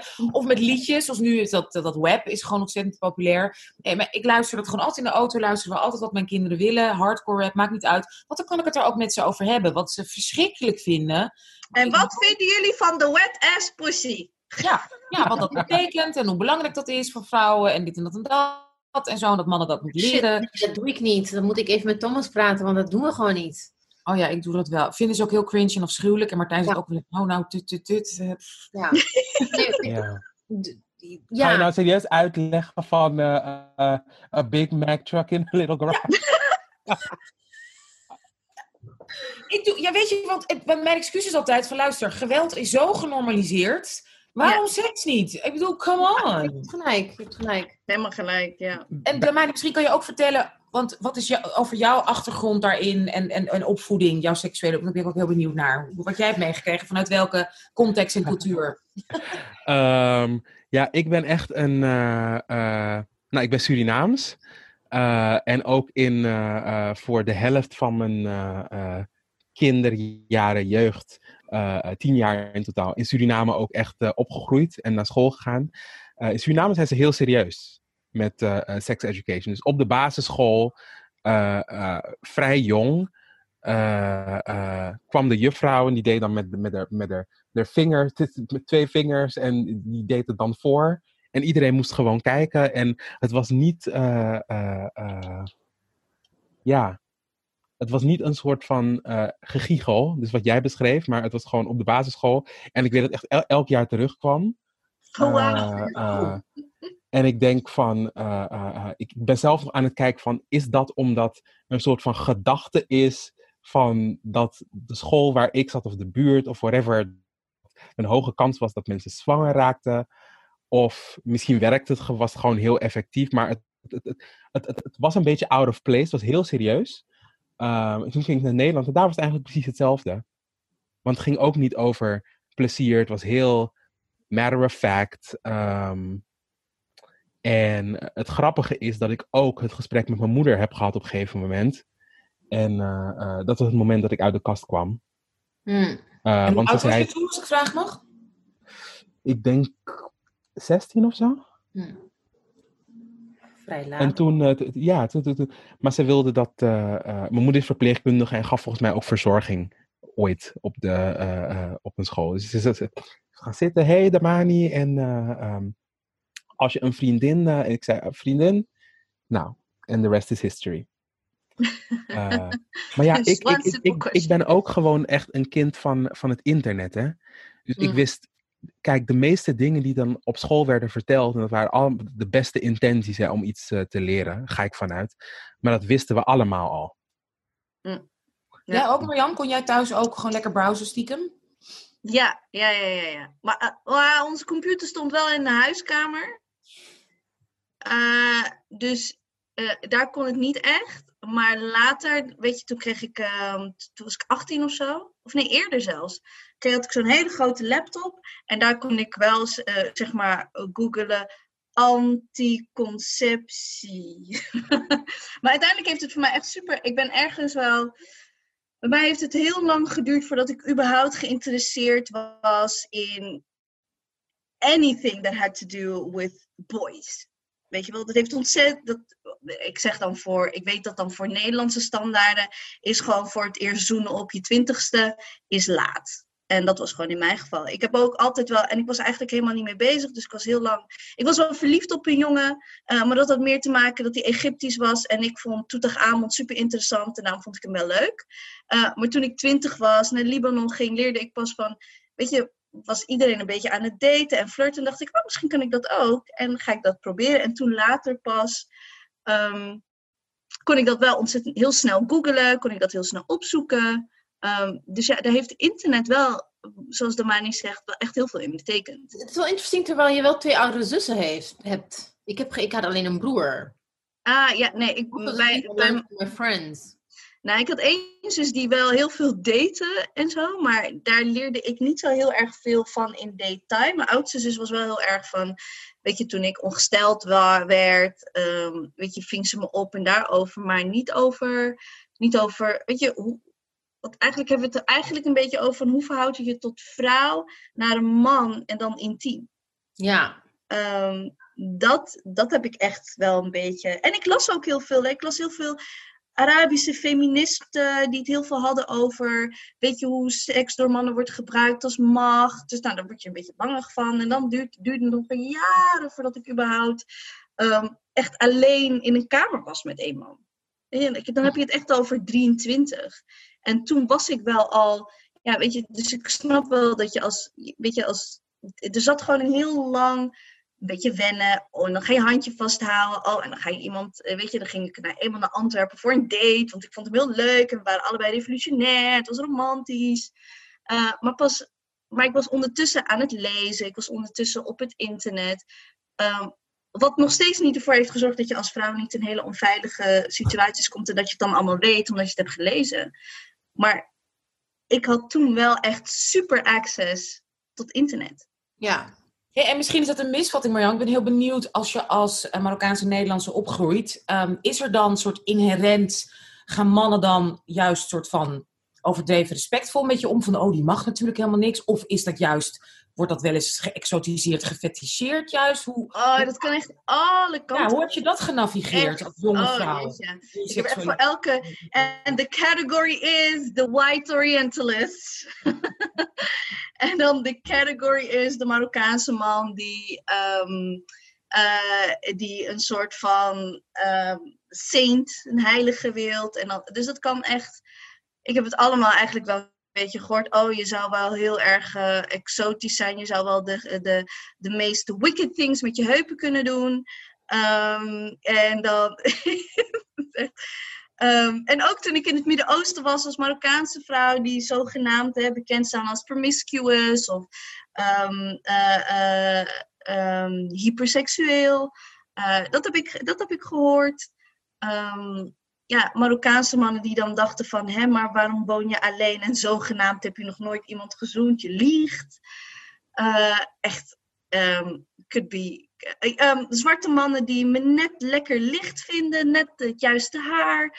Um, die denken dat ik op een vliegend tapijt Jasmine uit Aladdin ben. Het, het is echt. Wauw. Maar dat heeft ook effect op hoe je seksueel en zeg maar emotioneel, relationeel ontwikkelt, lijkt mij. Ja, maar ik dacht dus van, oh, but I'm not super, I'm not this hypersexual person. Ja. En of al helemaal toen ik, ja, rond echt wel de 22, dan ga je denken van, oh, ben ik, ben ik nou een rol niet echt heel goed aan het vervullen? Of uh, want ja, in Marokkaanse zang, in ons dans, ja, dan zou je kunnen zeggen, ja, het is allemaal met heupen. En weet je, en hebben we allemaal cryptische woorden en manieren waarom we het toch hebben, hebben over seks. Um, maar ook, maar even de decor schetste. Ik moest ook opgroeien in, in een tijd waarin juist de hele tijd ook vanuit het debat werd ge, weet je, de hele tijd je in de gaten werd gehouden van je bent een vrijgevochten vrouw als je dated seks hebt. Je bent een vrijgevochten vrouw als je een bikini aan hebt. Je bent een vrijgevochten. Eerste bikini die ik droeg was toen ik 25 was, omdat ik dat wilde. Um, dus dat is ook het decor, hè? Ayaan Hirsi Ali, het debat, um, de onderdrukte moslimvrouw, de onderdrukte moslima in Europa. Och, och, och, och. Mag ze wel, mag ze wel dit, mag ze wel dat. Um, dus het was super, super complex. Super complex. En de, eigenlijk de hele tijd wat je aan het doen bent, is je toch in je zeggenschap naar je toe trekken van ik wil pas doen als ik het wil. Um, wat is de geschiedenis van seksualiteit in Marokko? Nou, daar, daar krijgen, is, krijgen kinderen daar wel. Um, dus ja, ik heb daar heel veel van geleerd. Het heeft echt geholpen dat ik heel veel feministische um, moslimwerk las. Ja, nou ja, het is heel fijn hè, om inderdaad de, de, de, de context, dat je die erbij plaatst dat je erover gelezen hebt, literatuur, maar dat is natuurlijk niet de praktijk. Dus dat, nee. Dat is heel erg interessant. hey, nou ja, ik denk Ebice, Damani, wij zijn natuurlijk alle drie in verschillende maten kennen wij hè, de oversexualized black uh, uh, um, stereotypering. Um, hoe hebben, hebben jullie daar last van gehad? Hoe hebben jullie dat genavigeerd? Ebice, hoe ging jij daarmee om? Dat, dat is ding. Ik denk, kijk, ik, ik, kom ook uit een christelijke familie. I mean, ik ben christelijk opgevoed. En dus met alle, you know, like the, the, the usual Christian values. Maar los daarvan uh, kom je dan in, in Nederland. En in Nederland is het hele idee van je bent inderdaad een vrijgevochten, moderne vrouw. If you just talk about sex like it's normal. Like you talk about it, you joke about it. Uh, je vertelt alles. I mean, wat ik heel fascinerend vond, is like, dat je bent op een feestje en mensen vertellen alles. En als je dat niet doet, dan ben je preuts. Per definitie. Whether you feel comfortable about it or not. Maar it's not even com- comfortable. Ik hoef niet iedereen's verhaal te weten. Dat was ook gewoon mijn basis. I don't need to know what you're doing with whom, how many times, whatever. Maar, en, en dat vond ik in de eerste instantie gewoon moeilijk om, uh, om, om ermee om te gaan. Omdat dat, dat kwam pas later, omdat ik mijn middelbare school heb ik op een school doorgebracht waar de meeste mensen ook uit uh, Sub-Sahara, you say it, from the global south kwamen. Dus with the similar sensibilities. Dus ik hoefde daar niet zo heel erg veel over na te denken. Maar pas toen ik echt in een omgeving kwam waar het alleen maar met Nederlands omging, was het, we were just like, why do you have to talk all the time about what you did when, how many times? Maar ook omdat ik dan een zwarte vrouw was en omdat ik per definitie als een oversexualized being wordt gezien. Wat ik dan deed, wat ik ook van mijn ouders heb meegekregen, sowieso wat alle allochtonen meekrijgen, respectability politics. Dus wat ik aan had, hoe ik me gedroeg, wat ik aan had, uh, mijn haar, mijn schoenen, mijn, mijn kleding. ik, heb, ik, ik, ik, ik was netjes. Ik zorgde ervoor dat ik er netjes En dat is denk ik hoe ik ermee omging. Maar ik, wat ik wel altijd wel heb gedaan, was like, the moment I noticed that a man, of het nou zwart zijn of wit of bruin, whatever, if I was approached from like a fetishist point of view, nee. Gewoon, ik, ik ging gewoon er, zijn, er zijn natuurlijk vrouwen met een laag zelfbeeld die daar juist die daarvan opkrikken en denken van oké, wow, ik krijg I'm getting attention because I'm black. Ik dacht no way. Dus ik bleef daar wel echt heel ver vanaf. Dat was een soort van red, uh, red flag voor me. Maar ik, het is wel iets dat ik altijd rekening uh, heb gehouden van uh, hoe je gedraagt dat, dat, dat je dan, you, you start policing each other's behavior as well, weet je wel. Ja. Dus dat is best wel een bevrijding om dan een, een, een groep vriendinnen te vinden die, die dan ook. We, we were like a group of friends die dan. Uh, we started going out. Altijd, we roam in packs, zeg ik. Net zoals wolven. We roamed in packs. We, gingen, we waren dus altijd samen. Dus we hadden ook de, de vrijheid om helemaal volledig los te gaan. Het was in de tijd dat bubbelen gewoon een, een, een ding was. Dus we just, toen konden we in veiligheid gewoon just do whatever we wanted to do. Knowing that we were always, we always had each other's backs. Maar ik denk als ik alleen was, of als, als je alleen maar met z'n tweeën bent, dan ga je anders gedragen. Want hé, hey, want je denk dat je een, uh, weet je, dat slut shaming. En dat je per definitie als een soort vrouw, je hebt er altijd zin in ook nog. En vanuit de Surinaamse cultuur, Damani, want ik ben een paar keer Suriname geweest, um, heel vrij conservatief. Um, de EBG-kerk en weet je, weet je zo, uh, hè, ook veel respectability politics, behalve tijdens dansen, tijdens feestjes. Ik dacht, ik kom in Suriname, nou, weet je, Caribbean, woehoe. Salsa, hot pants, let's go. Nee, behalve op feestjes. Ik vond dat geweldig, de, de, de, de, het verschil dat je mensen keurig gorgeous uitgekleed, heel formeel aangekleed op feestjes.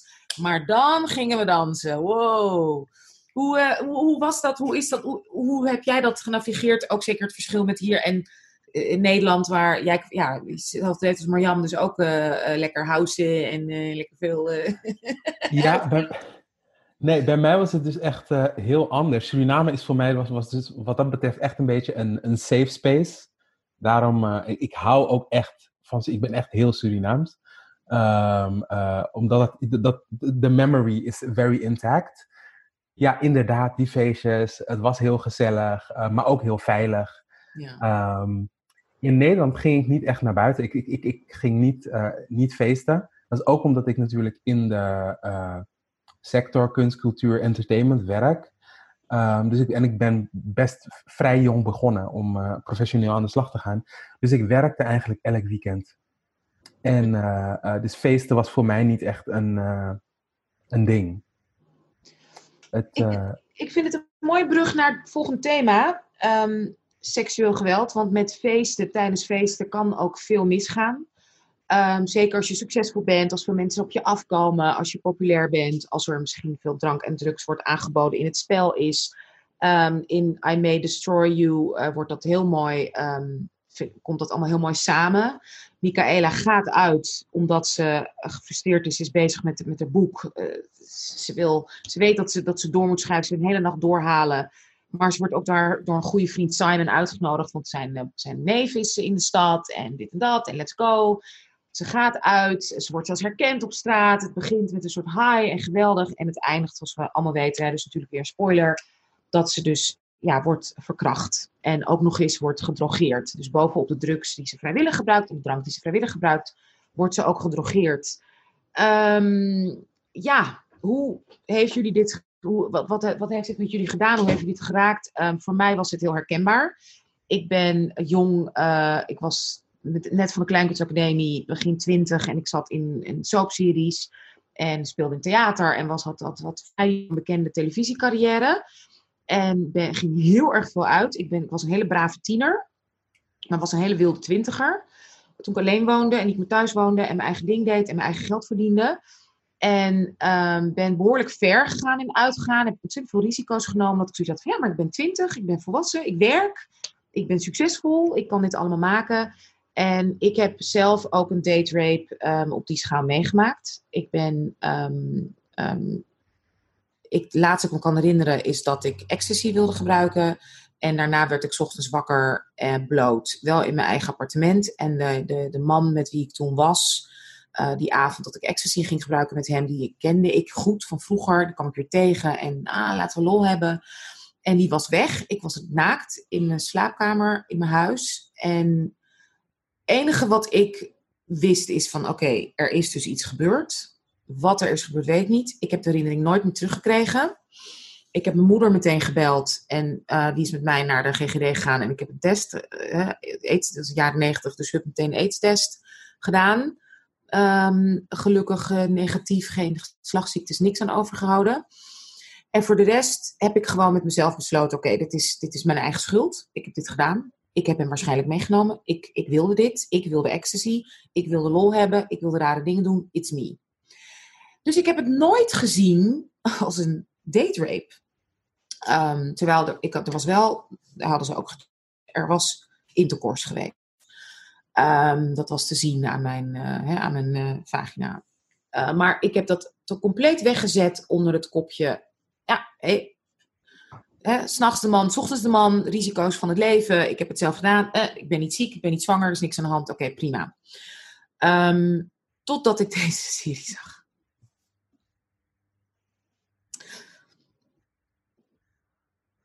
En dat is heel heftig om op je vijftigste te beginnen dat iets wat je 25 jaar geleden is overkomen, um, iets totaal anders is dan dat ik altijd heb gedacht. Wat me dus eigenlijk ook altijd heeft beschermd. En dat zelfs met Me Too. En ik heb Zeg het gelanceerd, hè, geïnitieerd samen met Anke Lateveer en uh, Stella Bergsma. Um, heb ik dat, heb ik, kwam dat ook niet in me op. Ik heb dat niet eens gebruikt als verhaal, als hashtag van zeg het. Ik ben tegen mijn zin, is dit en dit en dit gebeurd. En ik ben ook nooit gaan achterhalen wat is gebeurd. Ik kende deze jongen. Ik wist waar die werkte. Ik wist ongeveer waar die woonde. Ik wist, kende zijn bedrijf. Ik had daar naartoe kunnen gaan en kunnen vragen wat is gebeurd. Maar uit volledige schaamte en embarrassment en mezelf schuld geven heb ik dat nooit gedaan. Wil ik dat ook nu niet doen?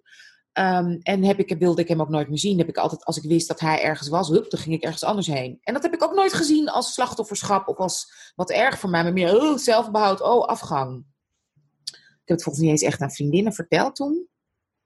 Want ik vond het zo gênant. En ik was weer eens dronken, zoals ik zo vaak was in die tijd. Um, dus ja. Leven, overleven? Ja, ja, ja. Ja, dus, ik, ja, dus ik, in die zin vind ik wat deze serie dus ook zegt over seksueel geweld. Uh, ik denk dat dit voor heel veel, dat kan niet alleen voor mij een eye-opener zijn. Dus ik ben heel benieuwd naar jullie reacties. Het is zo, toen ik al begon over overleven, coping, hoe je brein eigenlijk in de meest twists gaat, weet je, gaat werken om gewoon, je moet gewoon weer door. Je moet morgen weer door. Jij moest gewoon weer door. Um, en ja, wat, wat kon jouw brein vinden? Wat waren de feiten? En dat is, ja, daar, daar, daar daar schrik ik van. En tegelijkertijd denk ik, daarom, zijn, daarom is dit zo belangrijk. daarom is dit ontzettend. Dus eigenlijk heb je als vrouw en als, hè, als, als man zeker, hebben gewoon, dan heb je pech en geluk. Want het is overal. En dan, ja, dat, dat, is een, dat is een onbeschrijfelijk gevoel, denk ik. Ja. En ook mijn moeder, ik kan me niet eens zo goed herinneren. Ik weet, mijn moeder is gewoon ook, ik, volgens mij zei ik tegen mijn moeder, ja, ik heb zonder condoom seks gehad. Shit, ik durf niet alleen. Ik heb mijn moeder niet verteld wat er is gebeurd. En mijn moeder gewoon heel pragmatisch, oké, kom nu naar je toe, we gaan naar de GGD. Want dat moet als eerste dan. Ehm, en dat was het. Weet je, ze was heel lief. Ze was, hebben daarna lekker geluncht. En ze heeft me geknuffeld. En, uh, maar ze, ze dacht dat het gewoon consensual was. En dat dacht ik zelf dus ook. En en, in, in, die, I mean, eh, de world waarin jij je bevindt, Hilversum, eh, tijdsgeest, even if you were vocal about this, nobody was gonna believe you. Ook nog. En ik denk dat je dat ook onbewust wist je ook, denk ik. I think it's your onbewuste die jou ook, again, wat Mariam zei, overlevingsmechanisme. Je denkt van, oké, you- in order to just move on and live and not let it weigh you down, je, je moest het een plek geven, onderdrukken en verder. Want ik denk als je dit, als, je, als ik jou toen kende en als je dit tegen mij had gezegd, had ik ook gezegd van ja, maar dat had je niet moeten doen. Weet je? Dat, dat Ja. is de wereld waarin wij opgroeiden. Ja. En eh, het idee dat iemand het opzettelijk heeft gedaan en and, and you ended up, you just you, you thought you had a blackout. En ook, wat ik me ook dat, afvraag dat is... het niet was, hè? Dat, dat is eigenlijk de clue. That, that person was not there when you woke up. En dat is Nee. echt... Precies, dat is wel eng. En ook waar waren mijn vriendinnen? Want ik weet Ja. dat ik, ik ben niet alleen uitgegaan. Ik ben met vriendinnen uitgegaan. Ik wil nu geen eh, namen noemen. Ja. Ik wil mijn vriendinnen eh, onder de bus gooien. Of eh, voor de bus gooien, zeg je in het Nederlands. Heb ik geleerd. ik zeg dat Ja. onder de bus, maar dat is ja, een anglicisme. Maar goed, ik wil dus niemand voor de bus gooien. Maar waar waren mijn vriendinnen? En kennelijk heb ik dus in bepaalde staat tegen ze gezegd... Nou, ik kan gewoon gaan. Of ze zijn gewoon gegaan. Ik weet het niet meer. En ik wil ze er niet meer mee confronteren. Which also brings, brings us to een van de thema's vriendschappen. Van hoe, hoe, what are, wat zijn de rules of engagement? Like I said, I, I was lucky enough to have friends. We waren echt samen uit, samen thuis. Het is Ja. altijd zo geweest met Die ons. regel had ik ook. Die regel hadden Ja. wij ook. Ja, nee, maar die, die regel. En even if somebody got drunk, het was gewoon van je gaat niet met. Als iemand zegt ik ga met die en die en die, nee, Oh, dat deed je oké. gewoon niet. Ja, nee, dat hadden wij niet. Weet je wel, zover ging het ook gewoon in, in our. ehm, Ja. In our friendship. En dat is, I mean, dat is een uit, misschien is dat een uitzondering, ik weet het niet, maar ik vind het. Again, het is alles aan deze. Wat, wat, ik vind het zo'n moeilijk verteerbaar serie, omdat de grondvesten van wat wij normaal vinden, vriend, als vrienden onderling, hoe je met je vriendinnen omgaat, hoe je met je ex omgaat, hoe je met je man omgaat, met, met je relatie, everything that you know, things that you already know that, that they're already unstable, is in your face unstable. Het wordt, is, ik vind het heel confronterend. Ja. Hoe is dat voor... Ik ben ook benieuwd, Amani, voor jou. Ben jij, heb jij, heb, heb jij met, als jij met mannenvrienden uitgaat en mannen die misschien ook, hè, die ook wellicht gay, weet ik, ja, hè, seksueel actief zijn in ieder geval, heb, hebben mannen een code met elkaar, een deal met elkaar? We, we letten op elkaar als je zeg maar naar een feestje gaat met, met gewoon de guys. Hoe, hoe is dat? Ehm, nou, ik ga niet heel veel uit, maar in, eh, eh, het hangt echt heel erg af van de, van de mensen met wie ik uitga. Ik weet, ik heb bijvoorbeeld een, eh, ehm, een neef, who's not my real cousin, but you know, ja, zo groeien we op. Die altijd heel protective is. Dus ik heb een aantal mensen die heel erg protective zijn geweest over mij. En ik heb ook wel eens meegemaakt dat ik dan met iemand zit te dansen. ehm. Ik ben ook wel eens door een BN'er, eh, eh, who I shall not name here. Ehm, eh, nou, die zat me echt een beetje te.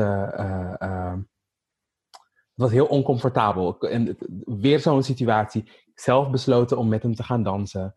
En toen was hij steeds maar bij me in de buurt aan het hoveren. En aan het einde van de avond probeerde hij me mee te nemen op zijn motor En toen sprak, sprong mijn neef dus echt ertussenin en die zei van, dat gaan we dus niet doen. En uh, daar ben ik heel blij. Uh, want er zijn daarna keren geweest dat uh, ik niet met hem samen was. En dat ik wel dingen heb gedaan die ik eigenlijk niet wilde doen. En achteraf, dan denk je van, ach, weet je, ja, ik was er zelf bij. En ja, ook door die serie, dan komt dat allemaal naar boven. En dan denk je van, hé, hey, dat, is, dat was gewoon niet oké. Okay. Durf je het nu ook zo te benoemen? Durven wij, vraag ik jullie allemaal, te benoemen... Wat, hè, van, is, is je, je definitie van seksueel geweld veranderd? Ik, ja. Ik vind het moeilijk. Uh, vooral om, weet je, wat jij net hebt gedeeld. Dus ik, ik, ik, ik, ik, ik kan me ontzettend identificeren met Kwame. Want ik, ik uh, zelfs nu um, na wat jij hebt verteld, dan heb ik iets van, dat is echt wel anders dan, uh, uh, weet je, dat ik seks heb gehad en uiteindelijk uh, op aandringen en terwijl ik geen zin wilde, het niet wilde, uiteindelijk zonder condoom seks heb gehad. Maar dat is dus gewoon, dat is seksueel maar, geweld. Maar het is dus wel seksueel geweld en ik wilde het niet en ik vond het niet fijn. En, dat, is, dat is geweld, dat is gewelddadig en dat is gewoon in landen strafbaar. Ja. En dat gaat ook in gradaties. Hè? Dat je, ik kan, moet heel erg denken aan toen ik uh, eh, 18 was of zo. En ik moest op een date met die gast die, met, die 32 was, die je niet laten gaan. En dit is openbaar. Hè? Dat was toen die tijd nog boven in, uh, bij de Vroom en Dreesman.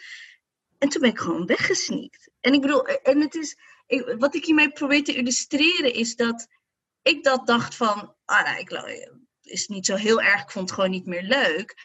Maar ook door deze serie, terwijl zo'n scène komt er niet eens voor in die serie. Maar daar moest ik wel aan denken. Ik moest daar wel aan denken als een hele kwetsbare jonge meisje. Dat eh, eh, no, had no business om op een date te gaan met de 32-jarige man. Mijn eerste date ever.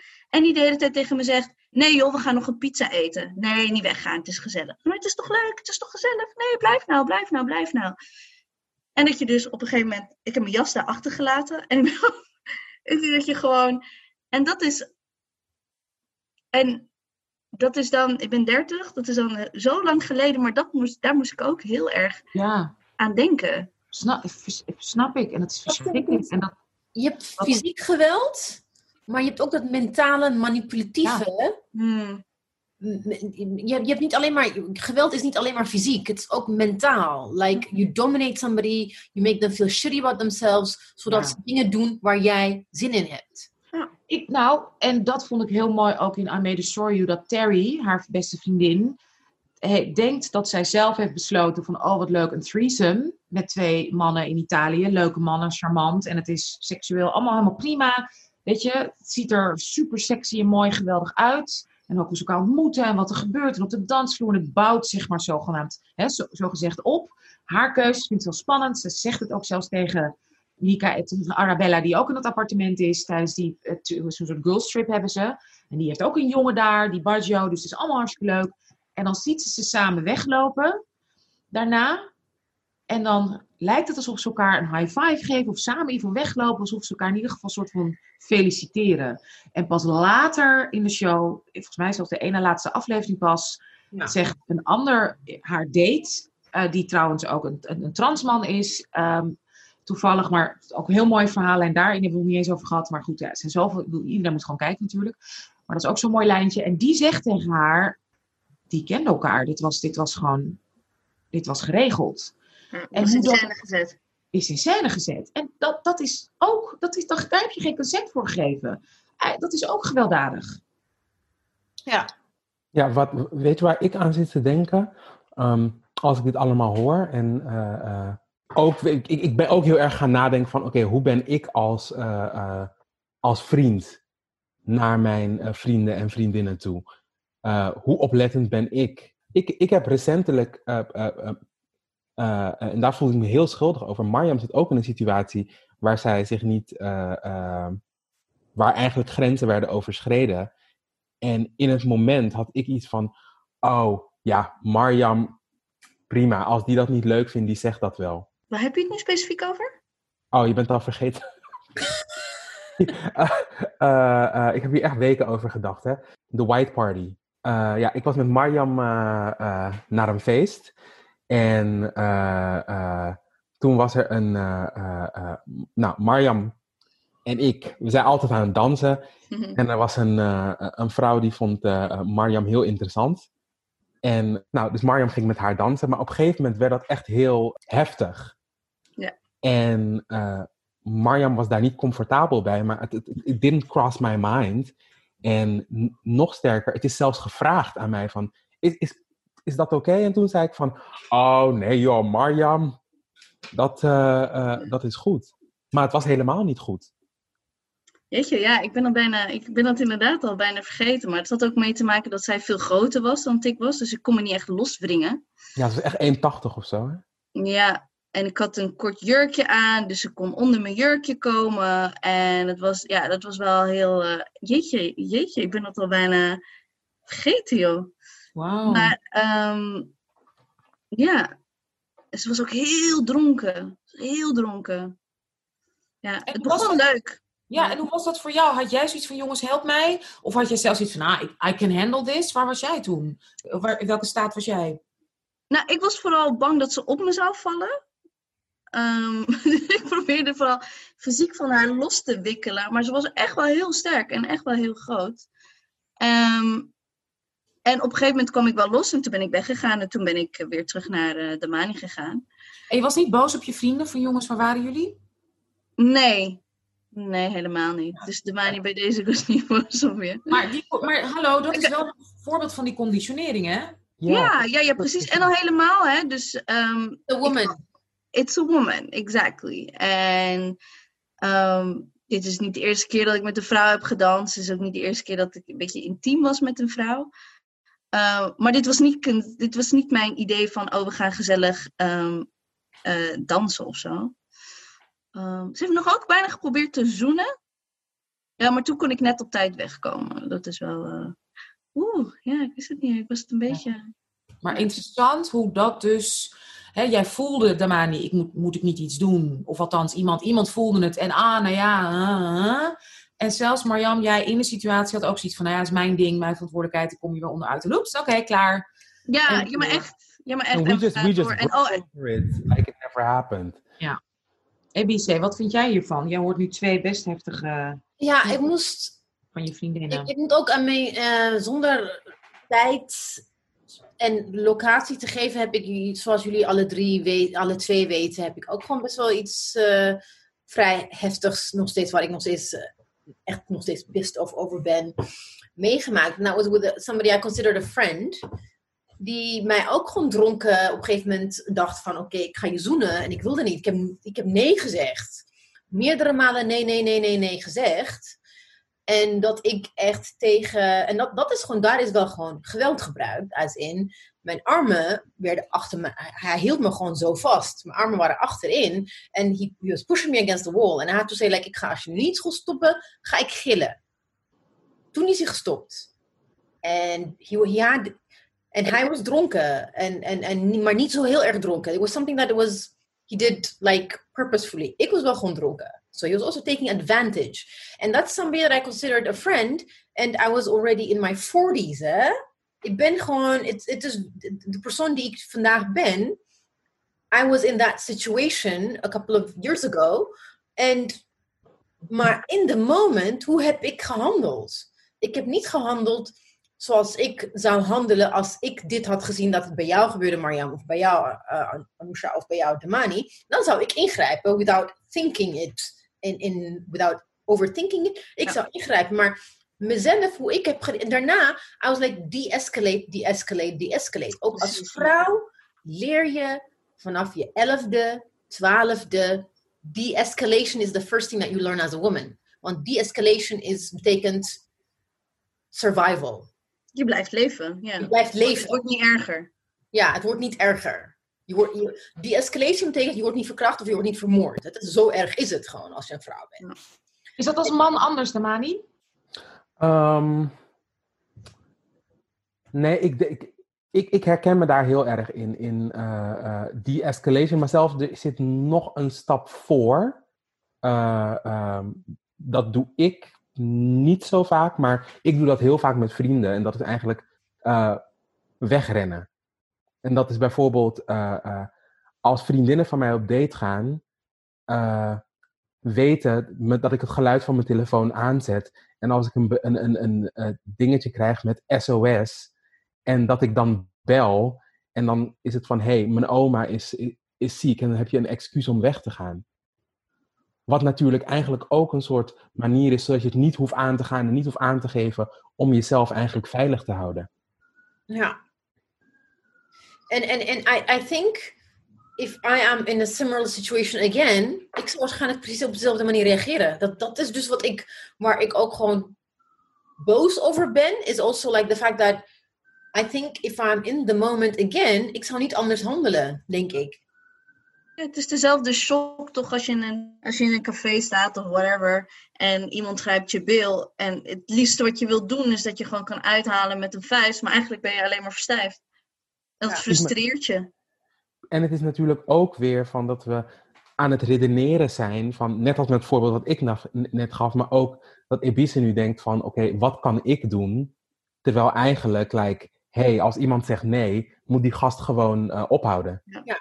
ja. Maar we zitten nog steeds strategieën te bedenken van, oh, hoe ga ik dit doen? En als ik, het niet goed, als ik niet goed handel, dan is dat verkeerd. En I need to improve on hoe ik voor mezelf opkom. En dat is natuurlijk super raar. En, en ook de complexiteit van like, uh, de gradaties. Ook bijvoorbeeld, it was, I think it was ja, vorige week.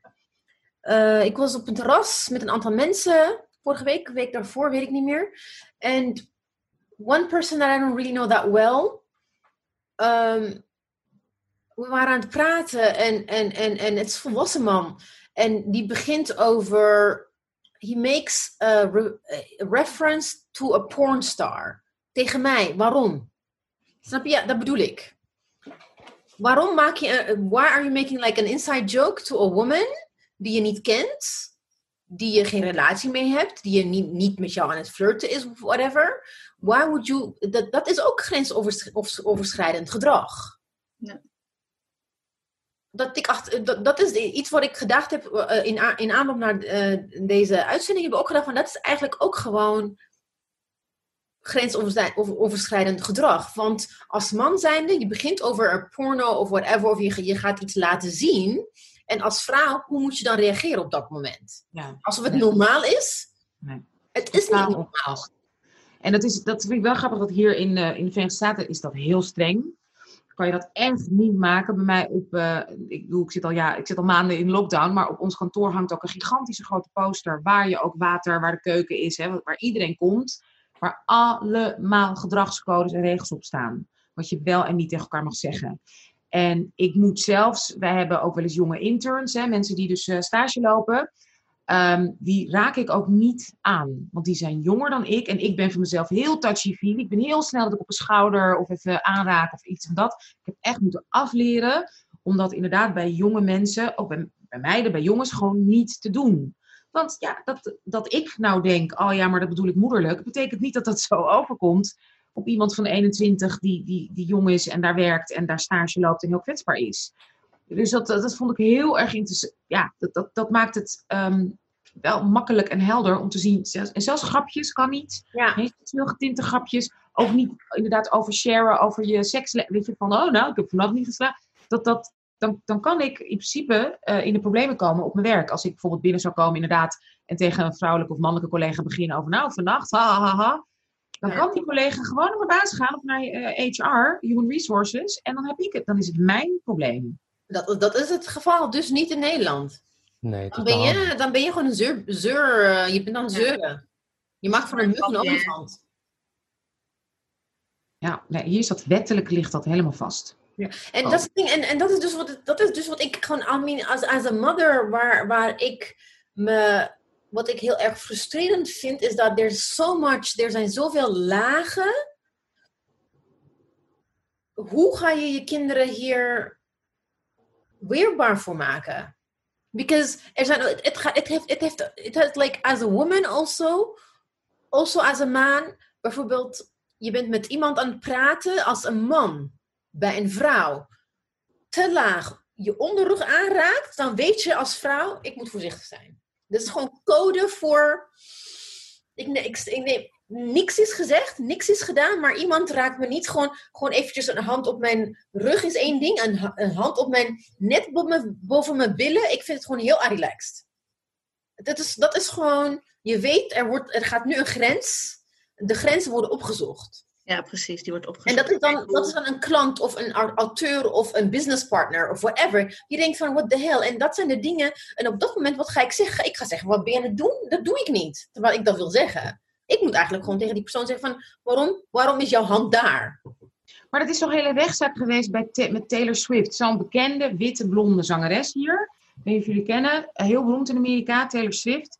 En er is een foto, een bekende foto van haar. heeft ze gemaakt net na een radio-interview. En ze heeft een kort rokje aan. En ze staat, volgens mij staat haar business manager of haar ouder, moeder of vader naast haar. En aan de andere kant staat de DJ van die radiozender.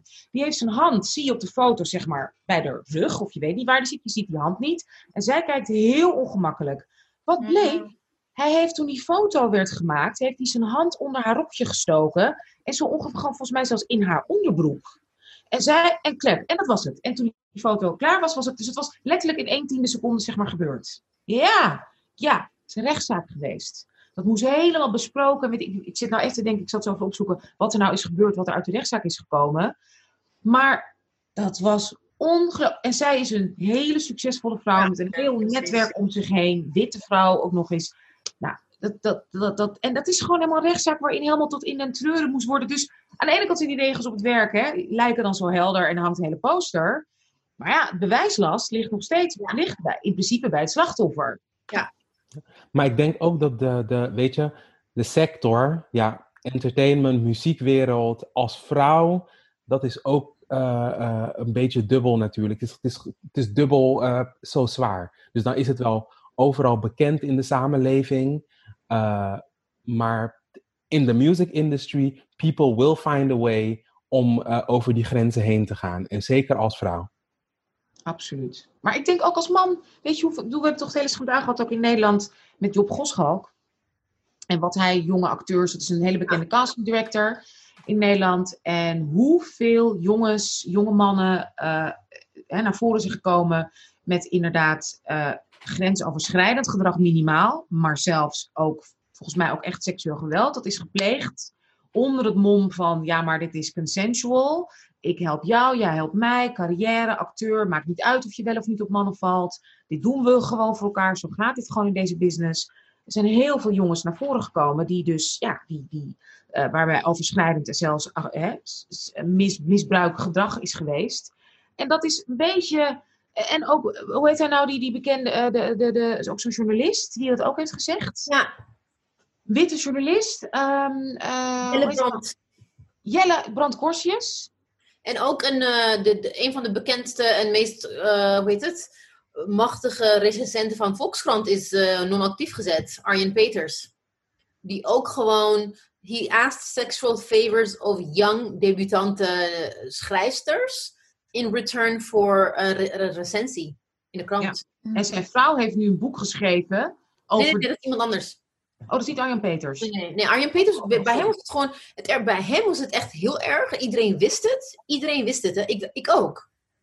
Iedereen wist het in de, in de uitgeefwereld, omdat hij een machtige positie had bij de Volkskrant. Oh ja, Volkskrant, ja. Was het gewoon een, een, een, een hoe zeg je het, een, um, uh, een, een publieksgeheim. But then it was uh, Maartje Wortel die in een artikel, in een interview, heeft ze, ze heeft hem gewoon genoemd en toen is het sneeuwbaleffect. Ja. They, they, couldn't ignore it anymore. En hij is op non-actief gezet. Maar iedereen zo van, oh ja, ja, Arjen Peters. We wisten het allemaal. Dat vind ik zo interessant. Dus, oh nee, hè? Maar bij mannen dus ook. Want bij mannen speelde ook, en dat wat vond ik heel interessant bij Jelle Brand Korsjes, het stigma mee van ja, maar uh, mannen hebben nou eenmaal gewoon soms seks. Of zelfs een beetje, je laat je toch niet door een homo, bla bla bla, je bent toch hetero. Nou ja, ik, vond het, ik, ik vind dat heel heel moeilijk om nog steeds om te navigeren, om erover te hebben en ook om te kijken hoe je mensen daar dus tegen beschermt. Vooral in Nederland, want in Nederland het is het, het hele idee van we zijn geëmancipeerd en ook eh, de, geëmancipeerd over seks ook. Like, uh, seksueel gedrag, het idee dat we hier zo vrij zijn, dat dit soort dingen niet gezien worden als zijnde grensoverschrijdend gedrag. Dat vind ik best wel shocking. En iedereen vindt eh, Amerika puriteins, maar hier is het nog steeds gewoon, eh, when it comes to these things, like gewoon middle ages. Maar ik, vind, ik moet eerlijk zeggen, ik vind hoe steeds ik meer denk nu, naar aanleiding van ons gesprek ook met elkaar aan het Zweedse model. Ik vind het zo slecht nog niet. Dat je gewoon per stap consent geeft. Ja, ja. Oké, over consent gesproken. Laten we naar het volgende thema gaan. Thema nummer drie. We, we, hebben het al een beetje aangehaakt, vriendschap. Natuurlijk denk je, we beschermen onze vrienden, we zijn over elkaar. Maar we hebben nu al met elkaar al hè, besproken dat dat, dat, dat niet zo, eh, dat het een groot grijs gebied is. Je kan daar afspraken en het idee hebben, betekent niet dat het gebeurt. In Destroy You gaan ze daar ook super interessant en geweldig mee om. Het heeft zo ontzettend veel lagen. Van inderdaad Arabella, die, eh, eh, die, die doorgaat met feesten. Als ze samen in Italië zijn, een leuke girlstrip. En dat Terry dus alleen naar huis gaat. En dan dus inderdaad die twee jongens tegenkomt. En dan denkt, oh, ik wil wel een trio. Eh, ook andersom, hè, Terry die dan eh, eh, als, als, als Arabella dus de avond dat ze gedatereed wordt, belt Simon, een vriend van hun, Terry op van, goh, kan ik Arabella wel alleen achterlaten? En zegt Terry eigenlijk een beetje van, ah, dat kan wel. En die confronteert haar daar later ook weer mee. Ehm, die vrouwen we moeten elkaar over hebben, maar ook tussen Kwame en, en Arabella. Op een gegeven moment, Kwame heeft dat dus meegemaakt. Die is tegen zijn zin in, dus hè, is zonder condoom. eh, heeft een man, terwijl het was een, begon als een consensual ding, heeft die man hem daarna nog een keer seks met hem gehad. En nu zonder condoom, gedwongen, verkracht. En hij heeft het nog steeds niet aan Arabella verteld, wel aan Terry. Terry weet het ondertussen wel. Ik vond het heel interessant. Op een feestje sluit Arabella hem op met een leuke jongen. Van, oh, zo leren jullie elkaar kennen. En de, ik voel spanning tussen jullie. Dus we zien op hele verschillende manieren hoe ontzettend kwetsbaar die vriendschap, consent en hoe het rol speelt. En ik wil het ook nog met jullie hebben inderdaad over wat er gebeurt in hun jeugd. Er is ook een heel mooie eh, aflevering over hoe ze op school eh, hè, de alliance sluiten om elkaar te beschermen. En dat is ook naar aanleiding van een jongen die onterecht wordt beschuldigd van verkrachting van een wit meisje, een zwarte jongen, Afrikaans jongen. Terwijl er wel ook tussen die twee ook wat speelt waarvan je denkt, wacht even, dit klopt ook niet. Hij maakt een foto van haar tegen haar zin. En nou ja, het, super complex allemaal. Wie, wil, wie denkt, oh, daar wil ik nu snel iets eh, over. Jij, volgens mij, wie zei je, volgens mij wilde jij iets... eh, Nee, ik, wilde even, ik, ik wilde even een shout-out geven aan jou. When it comes to like bescherming van, van your friends. Remember, remember in Sweden? Marjam, ik moest Ja, daar- ja, Anusha, die kan, Anusha, die kan een Viking wel gewoon aan als hij vervelend doet tegen haar sisters. Oh. I was afraid for. Je, je hebt wel die, die, die bescherming instinct heb je wel hoor. Anusha. Ja, nee, nee. Ik, nou, oh, misschien heb ik dat niet inderdaad uitgemaakt. Ik heb dat heel erg. Ik, Ja. ik, ik, ik weet zeker dat ik wel eens vriendinnen, als ze tegen mij zeiden... Ja, maar nee, laat mij maar eens oké. Maar ik vraag dat sowieso altijd drie tot tien keer. En dan nog wil ik het niet graag. Ik wil altijd toch het liefst ook nummers en waar. Ik heb een vriendin gehad, een hele goede vriendin. En die, die, die besloot ehm, deel te nemen aan een trio, twee mannen. En wist ik ook, oké, die gaan naar jouw huis. Oké, prima, want die en die woont vlak bij jou in de buurt. Oké, de, de, het was nog net niet een heel, eh, zeg maar, netwerk dat ik, dat ik gewoon wist hoe en wat het zat. En ik, je moet me dan bellen en dan bellen. Ik wil precies weten hoe en wat en zus en zo. En ik heb volgens mij de jongens ook aangesproken toen, we de, toen ze de taxi ingingen. Van, hé, hey, ik weet wie ik foto gemaakt. Ik, ik ben ook... Is your ass. Ja. En dan ben ik echt. Ik heb altijd zoiets. Ik vond het zo interessant waar jullie het ook over hadden. Ik, ik denk dat dat ook een beetje een generatiedingetje is. Van ja, maar dan is de flow er een beetje af. Ik heb een Russische moeder, Damani, heel pragmatisch. Dus ik ben zo pragmatisch opgevoed. Ook seksueel. Van ja, zin moet je gewoon ook maken. En dan ga je maar wat met jezelf doen. En dan ga je daarna maar naar je vriend. Want. eh, dus ik ben. Ik heb zo. ik ben heel anders. eh, heb ik seksualiteit ook geïnternaliseerd. Maar ja, dat kan je wel plannen en regelen en organiseren. En ik moet zeggen, met drie kinderen, ja, dan eh, is de, de zeg maar, eh, oh, het gebeurt gewoon. Nee. Ja, is wa- wat thema vriendschap, ik, vind, ik vond, ik vond ehm, ergens vond ik het, het is heel, everything is like very real. Heel, heel erg, het is niet eh, gekunsteld. Maar omdat het zo'n zwaar onderwerp is, iedereen maakt iets heftigs mee. Dat vond ik een beetje te zwaar op een gegeven moment. Het feit dat iedereen binnen een tijdspan van like a very short period maken ze allemaal super heftige dingen. Ja, maar het is in negen maanden, het is bijna een jaar, hè? Ja, het is weer in, Een jaar tijd. ja. Maar kijk, als wij het al met z'n vieren bespreken, hoeveel er al is gebeurd. Ja. Het is reality. En wat, ik- wat ik wel heel goed vond, was dat, dat slachtoffers ook daders zijn. Because at some point she went to Rome, she was stalking him. En terecht dat hij bang werd. Want so, she was, I don't like using that word, maar op dat moment, omdat ze zo aan het lijden was, she was unhinged. Ja. En dat ik dan echt dacht van, wow. Dat hij echt, je zag hem echt schrikken, Biagio. Die dacht van, I don't know what's going on. I Ja, even voor de context. Ze gaat naar Italië, naar haar vriendje. Een van een jongen waar ze wat mee heeft. Hij heeft haar al steeds genegeerd. Dus het, idee dat hij op haar zit te wachten lijkt me, lijkt me sterk. Ze gaat onuitgenodigd er naartoe met haar laatste geld. Ze heeft helemaal bijna niks meer over. En breekt in in zijn huis. En Ja. wacht op hem tot hij thuis komt. En hij schrikt zich de tandjes als hij thuis Ja. komt. Ja. Dat is de context. Wat, wat is jouw reactie daarop? Romantisch? Passionate? nou, ik, ik, ik, ik, kijk, ik vond, dat vond ik dus dubbel. Eh, omdat ik ook de context meenam van hoe hij reageerde toen zij probeerde kind of te vertellen wat met haar was gebeurd. En zijn eerste reactie was eh, ehm, ja, een beetje victim blaming van ja, wat deed je daar en wat...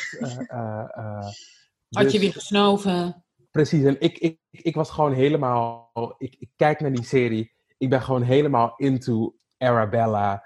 En ik zie een creative, she's struggling. En ik dacht gewoon van. Eerlijk, hè, heel eerlijk hè. Ik dacht gewoon.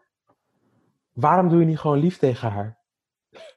Dat dacht ik. Ja, oh, ja, maar dat is heel zo mooi. Maar, Marjam, ik zie jou ook helemaal romantisch knikken, ja? Dat dacht je ook? Ja, ja, ja, Echt heel erg.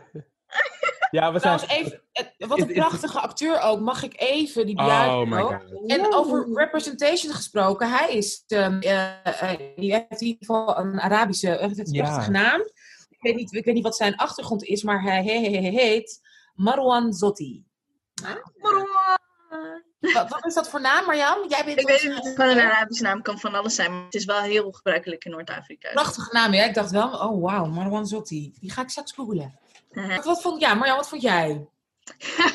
Ja, de mijne en ik hebben het hier al over gehad van, you know, um, ik vond het het meest rare dat ze gewoon met de kleren de zee inging. Weet je, dat dacht ik van, ja, dan, ja misschien dat is wel gevaarlijk en wat gaat er gebeuren. Maar ze, ja, ingebroken, ik bedoel, de deuren stonden gewoon een beetje open en ze wist waar de sleutel lag. En nee, het is natuurlijk super problematisch. She's invading someone's space, hè, uiteindelijk. Ik vond zijn reactie ook wel een beetje heftig, hè, met, een, eh, met een geweer. eh, let's not forget No, the gun. I'm sorry, I'm gonna be the, the devil's advocate here. Stel dat het andersom is. Jij woont in Amsterdam. This person that you've been ghosting in, I don't know, Marseille. Mm, Gaat. but I'm a woman, he's a man. Nee, nee, nee, nee, nee, nee, nee, nee, Damani, hold it in. Nou, ik moet kijken. Weet je, het is. Nee, maar, nee, maar, Marjam en ik zijn eigenlijk gewoon een beetje. eh, wat is het woord? Mi- misandrists? Misandrists? So, not a misogynist, but a misandrist. Ja, ja, ja. We hate men. even if, nee, maar the thing is, even if men are, men are trash, hashtag men are trash, maar eh, het, het, het gaat om de heftigheidsgraad. Want als het gewoon iemand is in dezelfde stad of whatever, oké, maar iemand vliegt uit van een andere land. Naar, hij hij, stel, het is een man die naar een vrouw gaat. Hè? Nee, maar ik vind dat niet opgaan. Nee, nee, ik ook niet. Sorry, ik, ik, nee, ik, ik zeg niet, dat het is niet vergelijkbaar. Nee, ja, oké. Niet vergelijkbaar. Het is niet vergelijkbaar, maar je, somebody comes onaangekondigd uit een ander land, je huis in, en die zit bij jou thuis, en then she's also not making sense, because she's not okay. She's not okay. Ze maakt een verward indruk. Je gaat schrikken. You, don't know which way it's gonna go. Nee, je schikt, maar met een wapen. Ja, maar Kijk, ik. Dat hij een wapen pakt, vind ik te ver gaan. Het is Ja. voor het dramatic effect. Maar dat Nee, haar... nee. Het is geen dramatic effect. A, hij is drugsdealer. Ja. B, zowel zijn moeder, geloof ik, als zijn zusje. In ieder geval, hij komt ook uit een familie met een ontzettend heftig verleden. Ja. En vrouwen hebben hem heel veel, dat vond ik juist ook zo mooi Ja. en genuanceerd. Vrouwen hebben hem heel veel geweld aangedaan. Ja. Weer vanuit hun diaspora waarschijnlijk ook weer, hè, wat, wat zij hebben meegemaakt. Want we weten allemaal hoe ongelooflijk racistisch Italië is. Ja. En hij is de donkerste die daar rondloopt op dat plein. En hij is natuurlijk de drukste. Dus dat vond ik ook heel mooi subtiel. Ja. Ospia, wil ik even zeggen, ik ken die- dat gebied bij Rome. Het is een heel bekend stukje ehm, heftige stad. Eh, helemaal in de band van de maffia en eh, de, de, de Arabische maffia heeft weer een specifieke plek. Je hebt, ik weet niet of hij ook deels misschien van de, van eh, de, de, de, zeg maar de reizigers afstamt en zo. Dus dat zijn heel veel lagen weer. Waardoor een wapen en echt op je, je turf beschermen is ook weer ergens. Nou ja, hè, vond ik opmerkelijk en interessant. Interessante keuze. Prachtige keuze. Ja, dat that's the thing. En maar de fact dat the fact that he wanted to, to her, he wanted her to get out of his house as quick as possible snapte ik gewoon. Want Ja, ik- hij is de he he doesn't know what she's gonna do. Kijk, ik snap het. Tegelijkertijd, wat ik dan ook. eh, eh, dus ik ben sowieso met alles. Het is, is gewoon raar. Ze staat opeens voor je deur. Maar at the same time, I'm like. This is your girlfriend. Je hebt gewoon een long distance relatie. Jullie houden zogenaamd van elkaar. En Dat viel Ik- mee. Ik heb I imagine dat hij heel veel van de. en ik heb gewoon iets van: komt jou opzoeken. En. eh, eh, nou, zit in je huis. Terwijl ik niet verwacht. Het was Ja. geen bezoek. semantics. Dat is- ik heb gewoon iets van, ja, ik, kijk, ik denk nu eh, eh, heel anders over al mijn tripjes naar Wenen natuurlijk. Hè. Ik, Oh, oh, dus daar zit een verhaal. Hey boe! Wenen. Hey, boeboe in Wenen. Oké. ik spreek geen Nederlands, maakt niet uit. Eh, de, nee, Nee. maar ik, ik- denk wel van, eh, eh, kijk, natuurlijk, ik projecteer ook mijn eigen eh, eh, ervaringen met eh, eh, interactions with men daarop. En kijk, waar het, real talk. Dit is het bij mij. Ik eh, stoor me gewoon aan de manier hoe hij met haar eh, omgaat, hoe hij reageert op haar vulnerability. Absoluut, ja. En eh, kijk, dat is gewoon de echte reden. Omdat ik hoop Ja. dat wanneer ik vulnerable ben naar een man die ik, die, waarvan ik hou of waarvan ik denk dat ik die op dat moment nodig heb, hoop ik dat iemand met liefde zal reageren en begrip. En Ja. Dat zag ik niet en that's why I'm triggered. Nee, ik snap het. En kijk, laten we wel wezen, we zijn daar ook in geconditioneerd. Want hoeveel films kennen we? Of boeken, verhalen, essays, waarin dit wordt geromantiseerd en dat dit precies hetzelfde, een totaal andere uitkomst zou hebben. En dat Precies. dacht ik dus ook. Ik dacht juist op het moment dat zij zegt, ik ga die pizza halen, ik was in shock dat hij die deur dichtgooide in mijn gezicht. ik ook. Ik dacht, ah, nu Ik ook, het moment ja. dat ze terugkomt met die pizza. Hij doet de deur open en nu holds her in his arms. Dat hoop je. Ja, ja, ik herken het wel wat Damani zegt. Dat is dan het hoop dat je hebt als jij een keertje iemand eh, nodig hebt waar je een soort van relatie mee hebt. Ja, but it's, interesting. I mean, wow. Ik moest ineens denken aan, ik heb, ik heb erover getweet, eh, zonder een naam te noemen, een bekende Nederlander. eh, een semi-bekende Nederlander, inmiddels niet meer zo bekend. die, who had a crush on me for a long time, voor toen ik single was, kwam ineens onaangekondigd bij mij thuis. Thomas was niet thuis. Ik was zwanger van mijn tweede kind. Dus s'avonds laat. 11 uur s'avonds. En hij kwam en ik zei, ja, sure, ik heb hem heel lang niet gezien. Hij zat bij mij op de bank en ineens liefdes, een complete liefdesverklaring. Van, ik had jou voor later bewaard. Oh ja. Dat ja. moment, ik vond het niet romantisch. Ik dacht, ik ben hoogzwanger, ik kan niet rennen. Mijn zoontje slaapt boven. Ik vind het doodeng. Ik vond het ineens, ineens dacht ik, oeh. Hoe? Dat, wat ik ook, hoe ik ook reageerde was, like, ik moet hem zo snel mogelijk uit mijn huis uit hebben. Hm. En dat is ook gebeurd, toch? Leg je Ja, weg. ja, ja. ja. Maar dat Maar ik, weet- en daarna kon ik, ik maak daar altijd grapjes over, maar nu, achteraf denk ik Ja. van, Nee. Waar slaat dat op? En weet je ho- hoe je het zo zegt? Want ik, eh, eh, ik vond het dan wel su- super leuk dat ze daarheen ging. En ik zat, eh, I was hoping for the best. Maar vorige week vertelde ik nog tegen Marjam dat hij freaked out omdat iemand me had gefacetimed. Ja. Ja. En ik dacht van, waarom heb ik deze gast een nummer? Hij facetimed. Kan hij niet gewoon een bericht sturen? Ik schrik wanneer iemand me belt. Maar dat maakt deze serie zo ongelooflijk goed, omdat het zo complex is. En dat ze zo alle nuances in inderdaad daar, de slachtoffer. Want ik bedoel, ik zeg ook net heel stoer mijn vriendinnen beschermd, maar ik weet zeker dat ik ook steken, dat ik heel veel steken plaats vallen. Ja, absoluut. En ik heb ook wel eens echt, dat ik nu achteraf denk bij jongens gepusht van, nee, je wilt toch mij wel? En dat ik echt denk van, oh, wat erg, wat heb ik gedaan? Wat, hoe durfde ik? Wat schandalig. Hoe kan je nou verwachten dat een van de vent echt verschrikkelijk. En ik moet zeggen, en dat, dat is iets waar ik me ook ontzettend voor schaam. Ehm, ook bij een zwarte jongen. Dat ik juist dacht van, nou, mij wil je toch wel? Serieus, hè? Van I'm a light skin black girl. Come on. Nou, dat vind ik, ik schaam me. Ik vind mezelf echt misselijk daarom. Terwijl, ik dacht toen, ja, maar dat is toch hartstikke leuk. En ik ben toch zo leuk. En, vreselijk. Flirting. I'm flirting. Ja, precies. Dat weet het allemaal. Dus Dit is niet flirting. Kom hier! dat is zo complex. Maar nog even, oké, dus even het tweede deel van de vriendschap. Um, laten we het hebben over die aflevering. Uh, dat is terug naar jeugd. Het pakt de Alliance. Um, er is dus een. Uh, het begint, de aflevering begint heel interessant met een wit meisje. Dat, uh, um, die heeft nu een groep. Theo heet ze, om vrouwen te helpen. Slachtoffers van seksueel, dus niet alleen vrouwen, slachtoffers van seksueel gehelp, geweld te helpen. Um, en we gaan terug in de tijd. Dat blijkt dus iemand te zijn die op dezelfde middelbare school zat als Terry en uh, onze geweldige Michaela, a.k.a. Arabella. En zij was zelf ook toen embroiled in een issue. Ze heeft wat met een jongen die ze hartstikke leuk vindt, een zwarte jongen. Uh, het gaat iets te ver naar haar zin. Op zich stoppen ze wel net op tijd, maar hij wil een foto of heeft stiekem een foto van gemaakt. Zij gaat er ze vraagt geld om wat meer te doen in de foto, maar ze gooit zijn telefoon weg.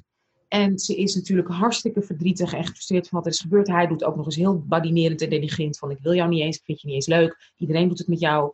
Uh, ze snijdt zichzelf. Terry ziet dat in de klas. Ze beschuldigt de jongen van dat hij haar heeft verkracht. De jongen hop, hop, gaat meteen naar de meester. Die meiden staan allemaal beneden met elkaar, met ook een paar jongens. Ze komen erachter dat, wacht even, ze doet het vaker. Er zijn foto's van haar. En Michaela en Terry komen voor de jongen op.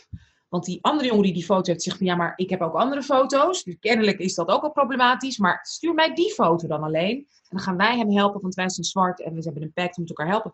Ondertussen, wat zo'n prachtig detail is, hoe geweldig die serie zit. Terwijl ze dat gesprek met elkaar voeren en we gaan voor elkaar op, en wordt een meisje, een zwart meisje, in elkaar geslagen. Door andere meiden. Is gewoon een heftig gevecht gaande. En dat meisje ligt die hele scène nog op de grond. En niemand zegt iets, niemand ziet iets. Ook geen docenten komen eraan te pas om dat uit elkaar te halen. Dus dat is ook nog eens een prachtig detail. Van terwijl ze voor elkaar opkomen en een pact sluiten, wordt iemand dus gewoon in elkaar geslagen. En um, nou ja, goed, die jongen wordt gered. Want ze, die foto, met andere woorden, dit witte meisje doet dit vaker en is een fout. En dan hartverscheurend is ze ook nog eens, zegt ze ook nog iets verschrikkelijk racistisch over hen. En maar zien we ook nog eens thuis, om de situatie nog complexer te maken, dat zij als jong meisje heeft gelogen over haar vader. Dat moest van haar moeder, zodat die moeder de volledige voogdij kreeg. Heeft ze de vader onterecht beschuldigd van haar uh, ja, seksueel geweld ook naar haar te plegen en naar de moeder. Dus het is weer laag op laag op laag. Ik vond die uh, aflevering, ik heb echt letterlijk, echt nog steeds jeuk in mijn hersenen. Wat vonden jullie ervan? En um, ja, Marjan, wil jij beginnen? Wat, wat, wat, wat, wat heb jij allemaal uitgehaald? Ze daagt je eigenlijk uit wat ik wel vaker heb van waar gaat je solidariteit naartoe? Ja. Dus ze vraagt je eigenlijk, wat ben je eerst? Ben je eerst een zwarte vrouw of ben je eerst gewoon alleen een vrouw?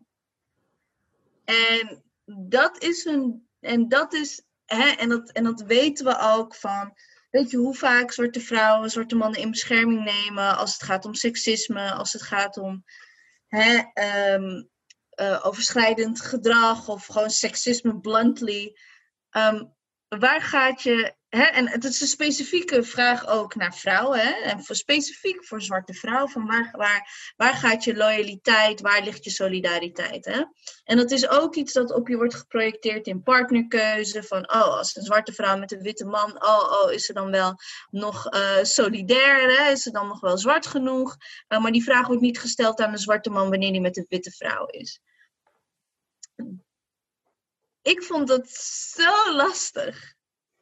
Want tegelijkertijd weet je dat de jongen wordt getarget om zijn zwart zijn en dat het meisje om haar vrouw zijn. En ehm, ja, wij weten allemaal van het is allebei niet goed. Ehm, maar goed, het is wel een continuous struggle. Als je bijvoorbeeld, stel je voor, je wordt door een, een, een, een zwarte man op een bepaalde manier bejegend. Ga je dan je mond houden, want hij uh, wordt vast wel uh, steeds geëtnisch profileerd door politie. Maar, jou, maar, jou, maar jouw veiligheid is toch ook belangrijk? En dat doet ze, en dat doet ze ontzettend, het ontzettend goed. En ik weet dat ik toen heb gepauzeerd en echt zo. Hm. En nu? Ja, want Het, is, het is op, je hebt gelijk. En I think, I think also in our activism, in, in alle vormen van activisme, uh, wanneer.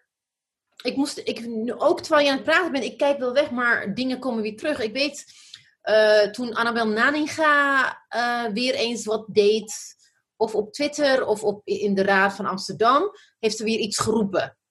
Something racist. Maar Arnold Groenberg heeft een artikel geschreven toen, toen hij nog die voetnoot had. Heeft hij haar in een voetnoot, heeft hij gewoon tijd besteed om haar um, to... Hij ging die, die, die, de, de, de mental illness boek, dat ene boek. De DSM. DSM-5 of zo. Ja. Heeft hij erbij gehaald om haar te diagnosticeren als zijnde basically she's crazy. Op dat moment, it doesn't matter who she is. Ze is PVV, de, van de SPD bedoel ik, whatever. But at that moment, there's a white man attacking a woman based on her vrouw zijn, is ze dus gek.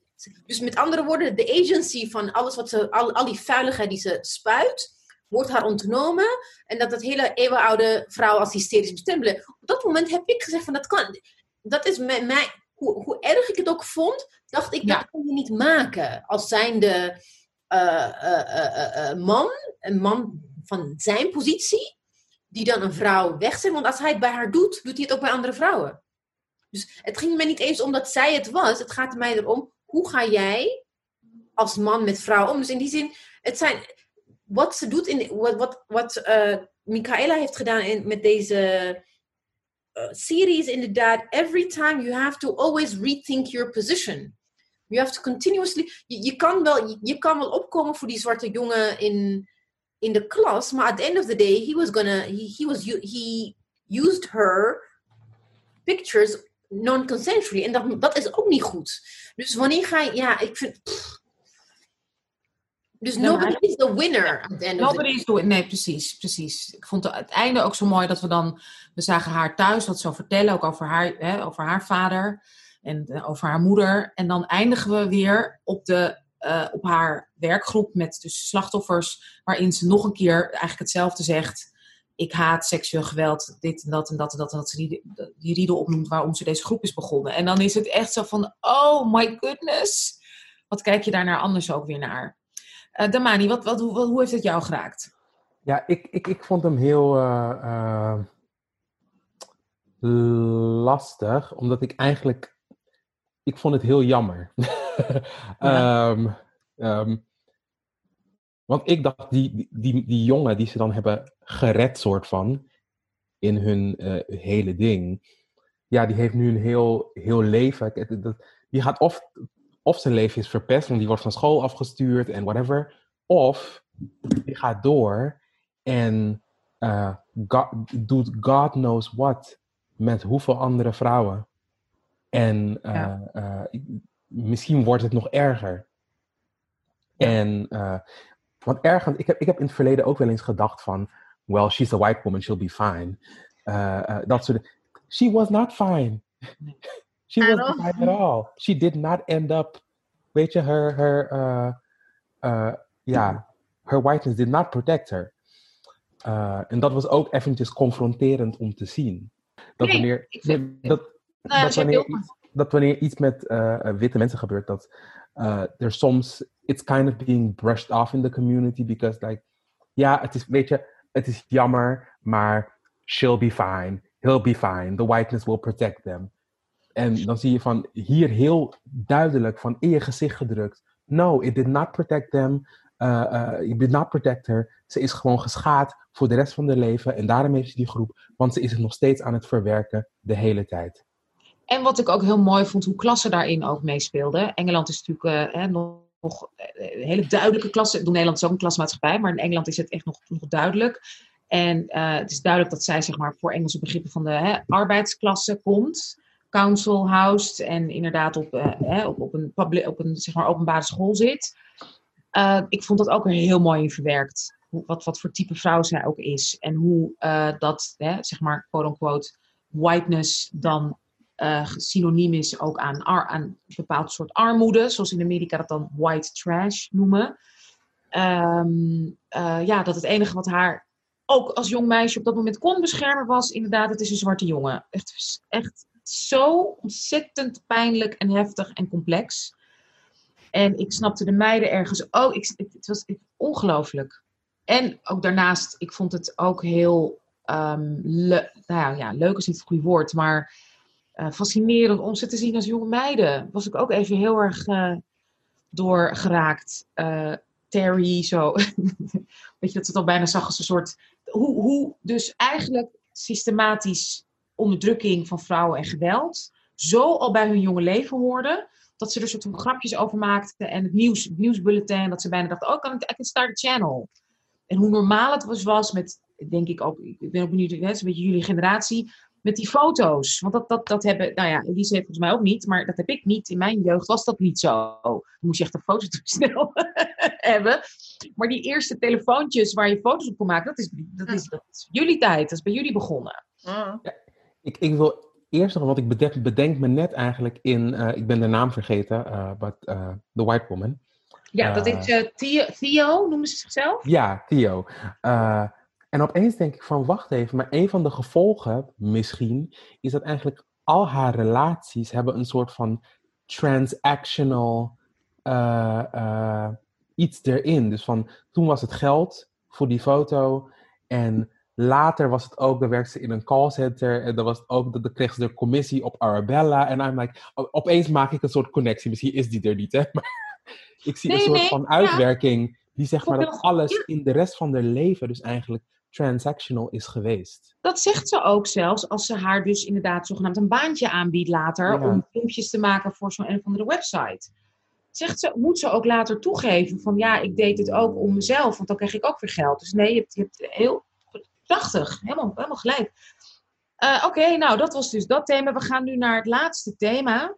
Um, en dat is, uh, ja, diaspora in de breedste zin van het woord. En um, daar hebben we natuurlijk alle, alle vier enorm mee te maken. Dat kwam ook een beetje al terug ook in de vriendschap, in de trouw en voor elkaar opkomen. Uh, maar ik ben heel benieuwd in ieder geval ook, dat wilde ik ook al eerder vragen, dus Elise, ik koppel dat aan deze vraag.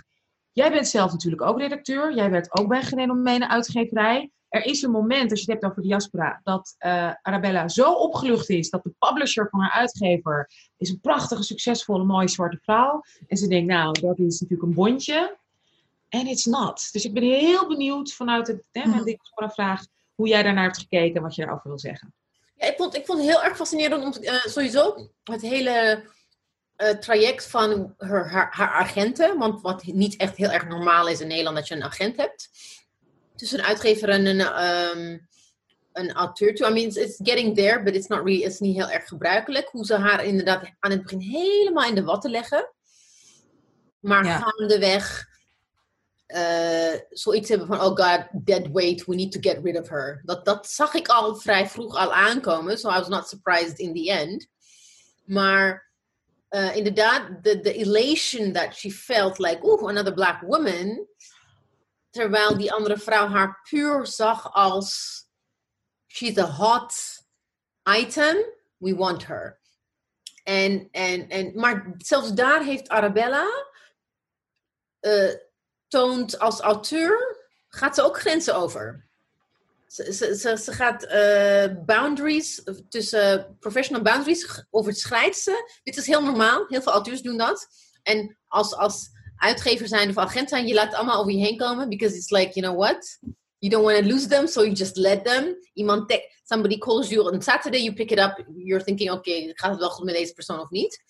Maar dat, dat, datgene wat Arabella um, dacht te vinden, as in the Black Atlantic, the Black Connection, it wasn't there. En dat vond ik best wel uh, heartbreaking voor Arabella. Maar ik, heb het, ja, ik, maak, ik, heb, ik maak het juist andersom mee. Dat is dus mijn ervaring is dus juist andersom van. Ik denk, as a black editor, I'm working with black people. And I'm thinking, hey, we have a thing. En het is gewoon gebleken met een aantal, uh, een aantal auteurs die dachten van, ja, weet je, ik heb liever gewoon een witte uitgever. In plaats van een uh, black uitgever. Dat is ook echt, ja. Exact. Ja, heel fascinating. En uh, andere dingen en ideeën nog over de diaspora die jullie ook die jullie terugzagen, de Mani, Marjan. Ja, dat vond ik sowieso een, een, een uh, dat, dat, hele, dat hele ding met die uitgever, dat was uh, ja, heel herkenbaar. because heel, ja, it's very annoying, maar in, in de art, weet je, heel veel mensen aan de top, um, mensen van kleur, zwarte mensen, mensen die op ons lijken, zijn ontzettend goed in het reproduceren van all types of racism en in, in, in deze structuren. Dus dat is, is gewoon heel herkenbaar. Ja, je moet bijna wel om echt succesvol te worden, lijkt het. Ja, maar at the same denken, time, niet, maar... wat ik ook mooi vind, ik weet niet of dat per se een diaspora ding is of, of gewoon de, een friendship ding. Ik vond het ontzettend mooi om te zien dat Arabella Terry wel meenam in haar, uh, uh, haar, haar journey. As in taking another black woman along for the ride, even if she wasn't ready. Ja. En zo voor elkaar zorgen. Ik ja. Dat je inderdaad, nou ja, wat wij ook vaak wel eens tegen elkaar hebben gezegd, en de maan die herken jij vast ook. Wie durf, je durft echt alleen je allochtone, hè, een lekker woord, of onze vrienden van kleur te bellen voor kan jij mij om negen uur s'avonds even daar of daar ophalen?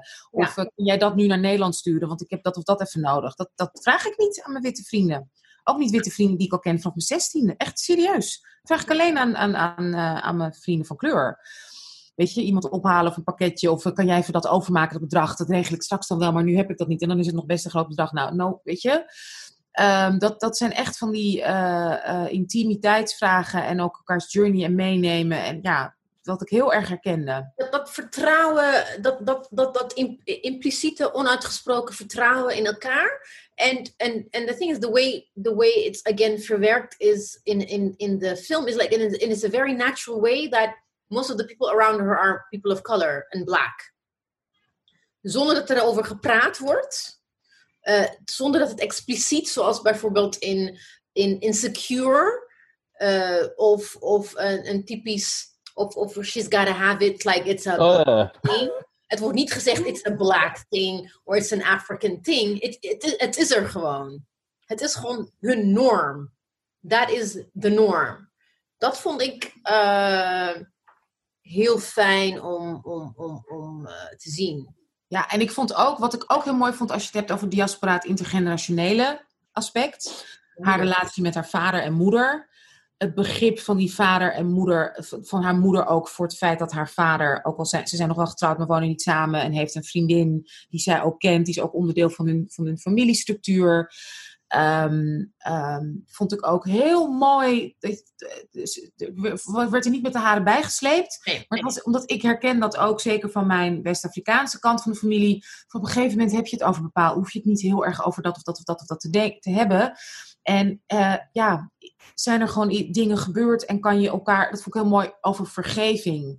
Ook zo mooi, ook binnen de diaspora, ze daar allemaal mee omgingen, ook met elkaar. Ik vond het ontzettend ontroerend als Terry dus heel bang is om het gesprek met haar te hebben van, ja, ik heb tegen Simon gezegd, ga maar.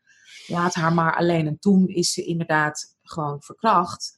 Dat juist door dat zij ook weer terugkijkt op haar jeugd en alles, kan zij zeggen tegen Terry, ik wil je bedanken voor je vriendschap. En ja. Nou, ik was daar, heb ik zo gehuild. Ja. En ook Kwame. En dat zij dat ze dan sorry zegt, was wat Kwame, even een belangrijk lijntje, interessant lijntje, die heeft op een gegeven moment, omdat hij, hè, hij heeft natuurlijk, hij is, ook, hij is verkracht nadat het eerst consensual seks was. En hij heeft zoiets van, misschien moet ik vrouwen daten. En hij gaat, hè, maakt ook een fout. Hij gaat op date en er is een connectie met de vrouw. En ze hebben volgens mij, ze proberen ook seks te hebben. En dan komt zij erachter, hè, vertelt zij later dat dat het niet gelukt en hij is gay. En dan is zij daar heel erg boos over. En Mika en, en Arabella is ook weer boos op hem. Van ja, dat had je niet zo kunnen maken. En dit en dat en dat en dat. En later zegt zij toch ook, ook sorry tegen hem dat zij zo, hè, bo- zo met gestrekt been erin ging. Zonder, dus, eh, niet, zonder begrip te, eh, te verliezen voor die vrouw. Eh, Ik vond dat ook zo ontzettend mooi, hoe, hoe dat ging. Want hoe vonden jullie dat? Hoe hebben jullie daarnaar gekeken? Oeh. Jullie, Bertamani. Oh, eh, ehm, over die. Kijk, ik vond het stukje vriendschap. Ik vond het zo prachtig. Eh, want ik denk in general, eh, as people, we just need more forgiveness in onze eh, friendships. En ehm, dat vond ik heel mooi. Maar die scène waar je nu naar refereert, vond ik heel ehm, uitdagend over die, die situatie met Kwame en die vrouw. Ja, zijn Um, is because she was racist. She was racist. Wat ik ook iets had, want volgens mij is Nilufer een Turkse naam. Eh, dus dat vond ik ook. Ik vond het gewoon zo slim, zo goed dat alle intersecties meespeelden. Ja. En alle afkomsten meespeelden. Dat, dat, dat, het was niet heel erg uitgebreid besproken, maar het, je begreep het wel. Nog even, ja, was nog even een opmerking. Maar vertel, ja, hoe heb je daarnaar gekeken, naar Ja, die scène? En oké, dit is dan might be a tangent, hè?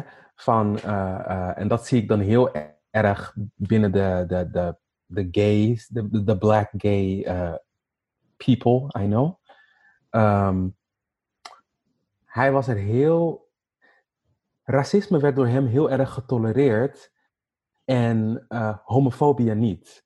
En ik, ik vond het zo moeilijk om. ik vond het echt heel moeilijk om, om, om daarnaar te kijken.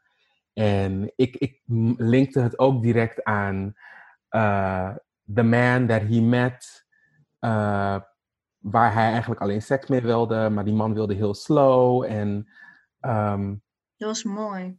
ja, ik, ik, ik, maar ik vond het heel moeilijk om naar, te, om, om, om naar Kwame te kijken op dat moment. En, Waarom? eh, Waarom net dat? om- Waarom vond je dat moeilijk? omdat,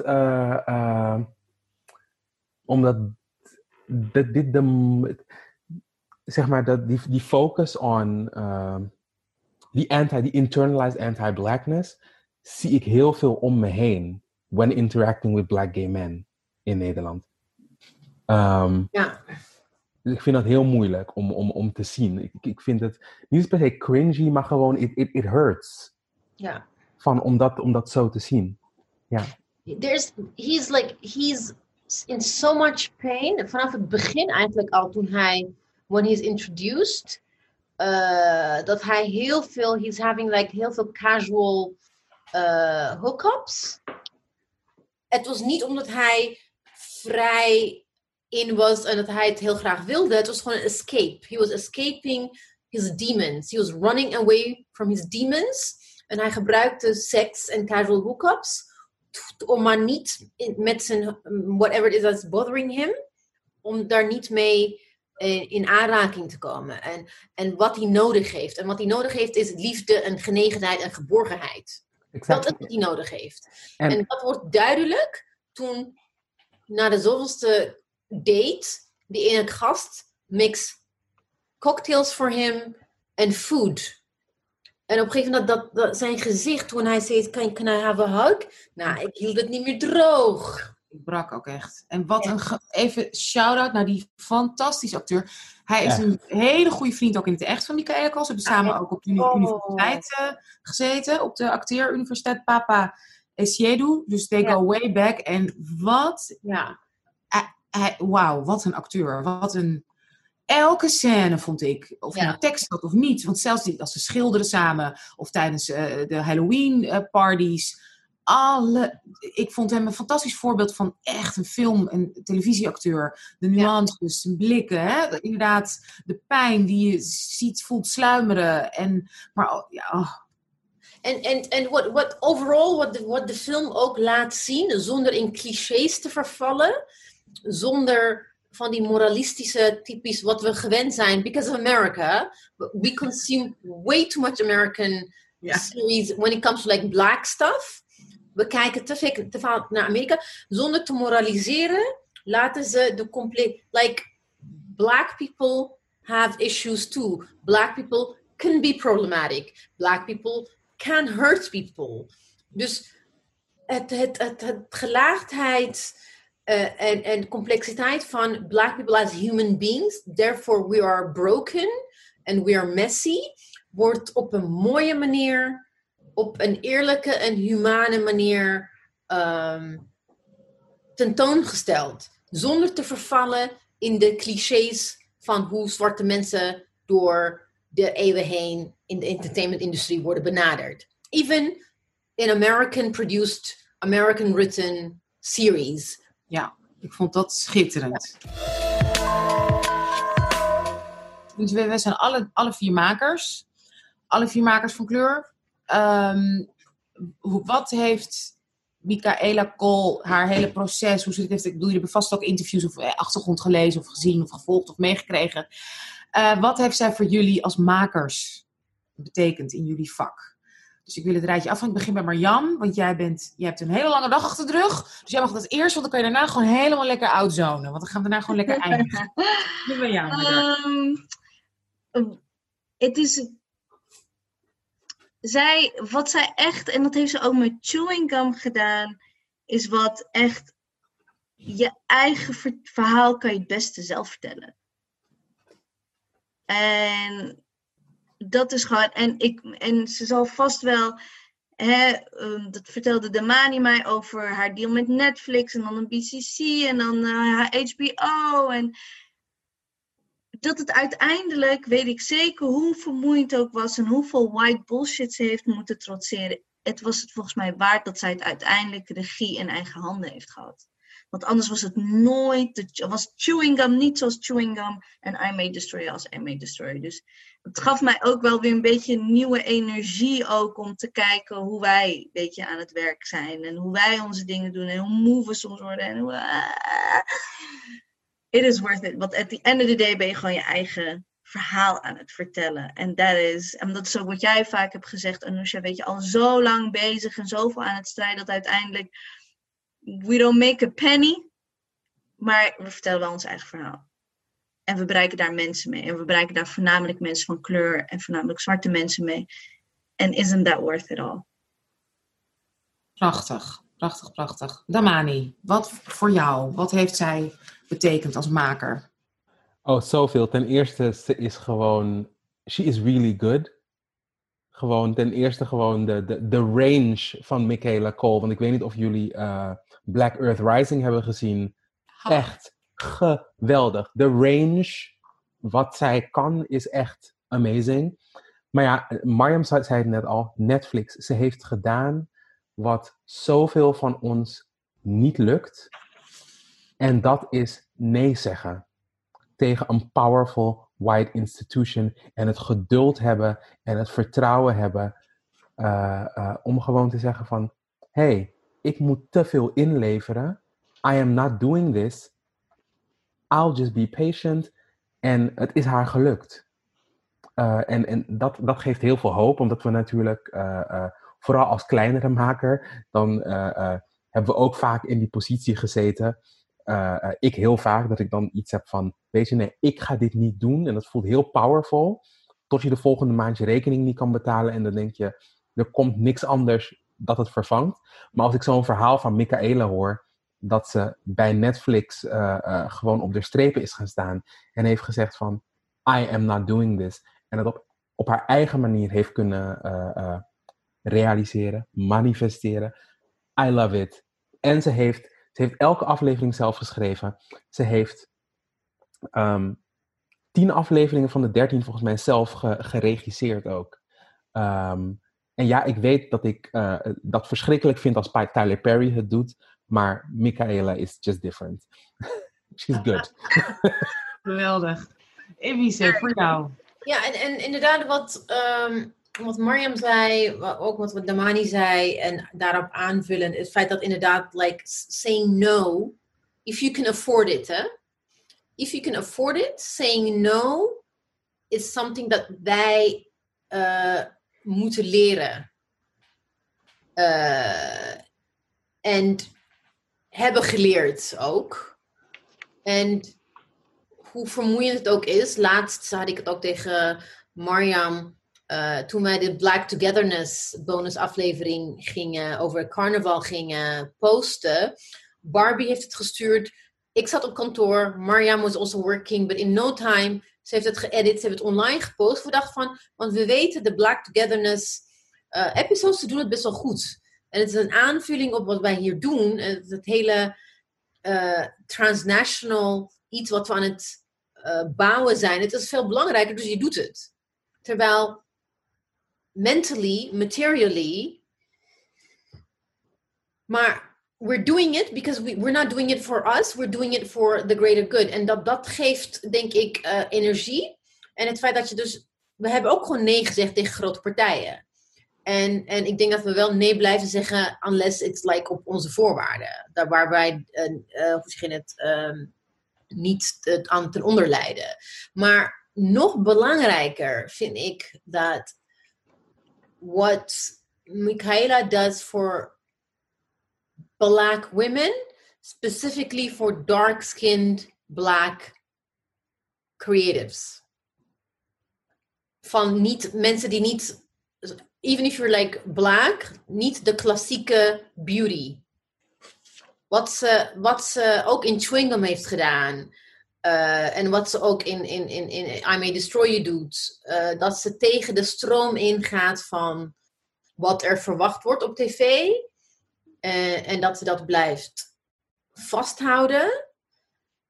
Ik vind het echt, it's, it's baanbrekend. She's, she's doing, she's, she's trail, trailblazing for a lot of other black creatives, dark skinned, specifically African creatives. Want dat, dat, dat element dat ze ook uit Afrika komt, is ook belangrijk. Ja, nou, wat jullie zeggen is allemaal prachtig. Ik, ik, ik, ik vond ook zelfs, er zit zo'n medisch stukje in, dat ze tegen een, een huisarts gewoon uitvalt die, um, uh, die, die, zegt, ja, want Caribbean women, Black Caribbean women en uh, hypertension ja, en dat ze bam. Wauw, en dat Terry daarna, dat hij zegt van ja, ze moet misschien niet zo wepen. En dat ze zegt, oh, what do you think about stress? Weet je wel, hallo ja, het, het, is, het, het is inderdaad, het is baanbrekend. Het is, het is ongelooflijk. Het, het, is, het is, she's changing the game. Ja. En ik vind het zo prachtig, want in een uh, interview, wat we gaan in de show notes en zo alles natuurlijk zetten, links. Um, dit deed ze al heel jong, op school al, op, op een acteerschool. we weten allemaal vanuit zelf natuurlijk allemaal hoe heftig wit kunstopleidingen of hè, nou, wat voor opleidingen ook zijn. En zij was de eerste die werd aangenomen volgens mij op die school en, en dus Pape ook. En um, hoe zij daar eigenlijk al dit soort dingen deed. En voel moeilijk, moeilijk en whatever, weet je wel. Um, en ik weet bijvoorbeeld iemand als Samora Bergtop, zo'n prachtige maker ook in Nederland, die het raakte haar enorm dat zij op de Kleinkunstacademie dat op een gegeven moment bij haar eindexamenproject of iets dat iemand ook zei, een van de leraren op school, ja, maar je bent toch ook gewoon een Nederlands meisje. En dat was lief bedoeld, maar nee, ze is niet gewoon een Nederlands meisje. Ze is dit meisje met die achtergrond, een Surinaamse achtergrond. En, en dat heb ik ook zo vaak gehoord, inderdaad. Ik weet, weet je. En uh, mijn eerste voorstelling ging ook over mijn afkomst. En er werd echt gezegd, ja, een of andere musical over jezelf. Nee, ik wilde gewoon vertellen wie en wat ik ben. Zoals witte cabaretiers dat continu doen. Maar bij mij werd dan gezien als een soort vanity musical idee, omdat ik ook muziek maakte. En bij, inderdaad, snap je? Nou, en, en dat, ik, ben, ik vind het waanzinnig dat dat nu, dat, we hebben nu dit, we hebben hopelijk nu iets, dat nieuwe nulpunt. Ja, en, en, en bijvoorbeeld, I mean, voor Michaela was dat die, die vrouw van Fleabag, die dan helemaal opgehemeld werd. Of zo'n British White British Manic Pixie Dream Girl. High class, high class, hè? ook nog High class, van... ja. En, en ook vergelijkbaar, ook in een, in een vergelijkbaar, de Fleabag is vergelijkbaar karakter. Ook zo'n, somebody who kind of like devolves into drama, maar dan self-inflicted. Um, en voor haar is natuurlijk dat dicht van Girls, Lena Dunham. Ja. Je hebt Lena Dunham en toen kwam uh, de, de, Amerikaanse variant is dan Issa Rae, came and just like blew her over. En dan had je de UK variant, die, de vrouw van Fleabag, I don't even know her name. En nu komt Michaela came and she just... Phoebe Waller-Bridge. Ja, yeah, she destroyed her gewoon. I may destroy you, yeah. She destroyed her, maar she will not get the same kind of money and recognition. Ja. Maar het is niet nodig. We know. Dat is belangrijk. Het is nu voorbij. Het is nu voor, ik hoop dat dit dus een nieuw begin is voor ons allemaal. Wat ik ook nog even als laatste zeg, zeg maar als conclusie, wat, ik, wat mij ook ontzettend raakte. En wat ik ook wil zeggen tegen iedereen die nu luistert en die ik weet niet wat heeft meegemaakt. Die eh, op het punt zet om volgende stap te zetten of bang is of wat dan ook. Wat ik ook ontzettend mooi vond aan de hele serie en ook aan alles wat zij doet en al haar werk is wat je verleden ook is. Hè. Je verleden is wie jij bent. En hè, dat, dat, dat, dat, dat, dat, dat maakt je, dat, dat, dat, dat, dat, it shapes you, it's part of you. Maar vergeet niet, je hebt ook jouw toekomst. Ja. Jouw toekomst. Ja. Heel mooi. Ik wil onze lieve luisteraars, iedereen die deze journey met ons maakt, bedanken. Ik wil ontzettend Damani bedanken. Wat heerlijk om jou eindelijk in ons uit te brengen. En Love you. love you so much. Damani Leidsman, check al zijn geweldig werk. Malta. Yes, de, de, de band. En uh, natuurlijk, ja, Dag en Nacht Media willen bedanken. Natuurlijk de Fuse, zoals altijd, die ons prachtige nieuwsbrief faciliteert. Laat alsjeblieft, wij zijn inderdaad die onafhankelijke makers. Uh, die, uh, kleine, die subsidie waar al die witte mensen boos over maken. Zo, laat op!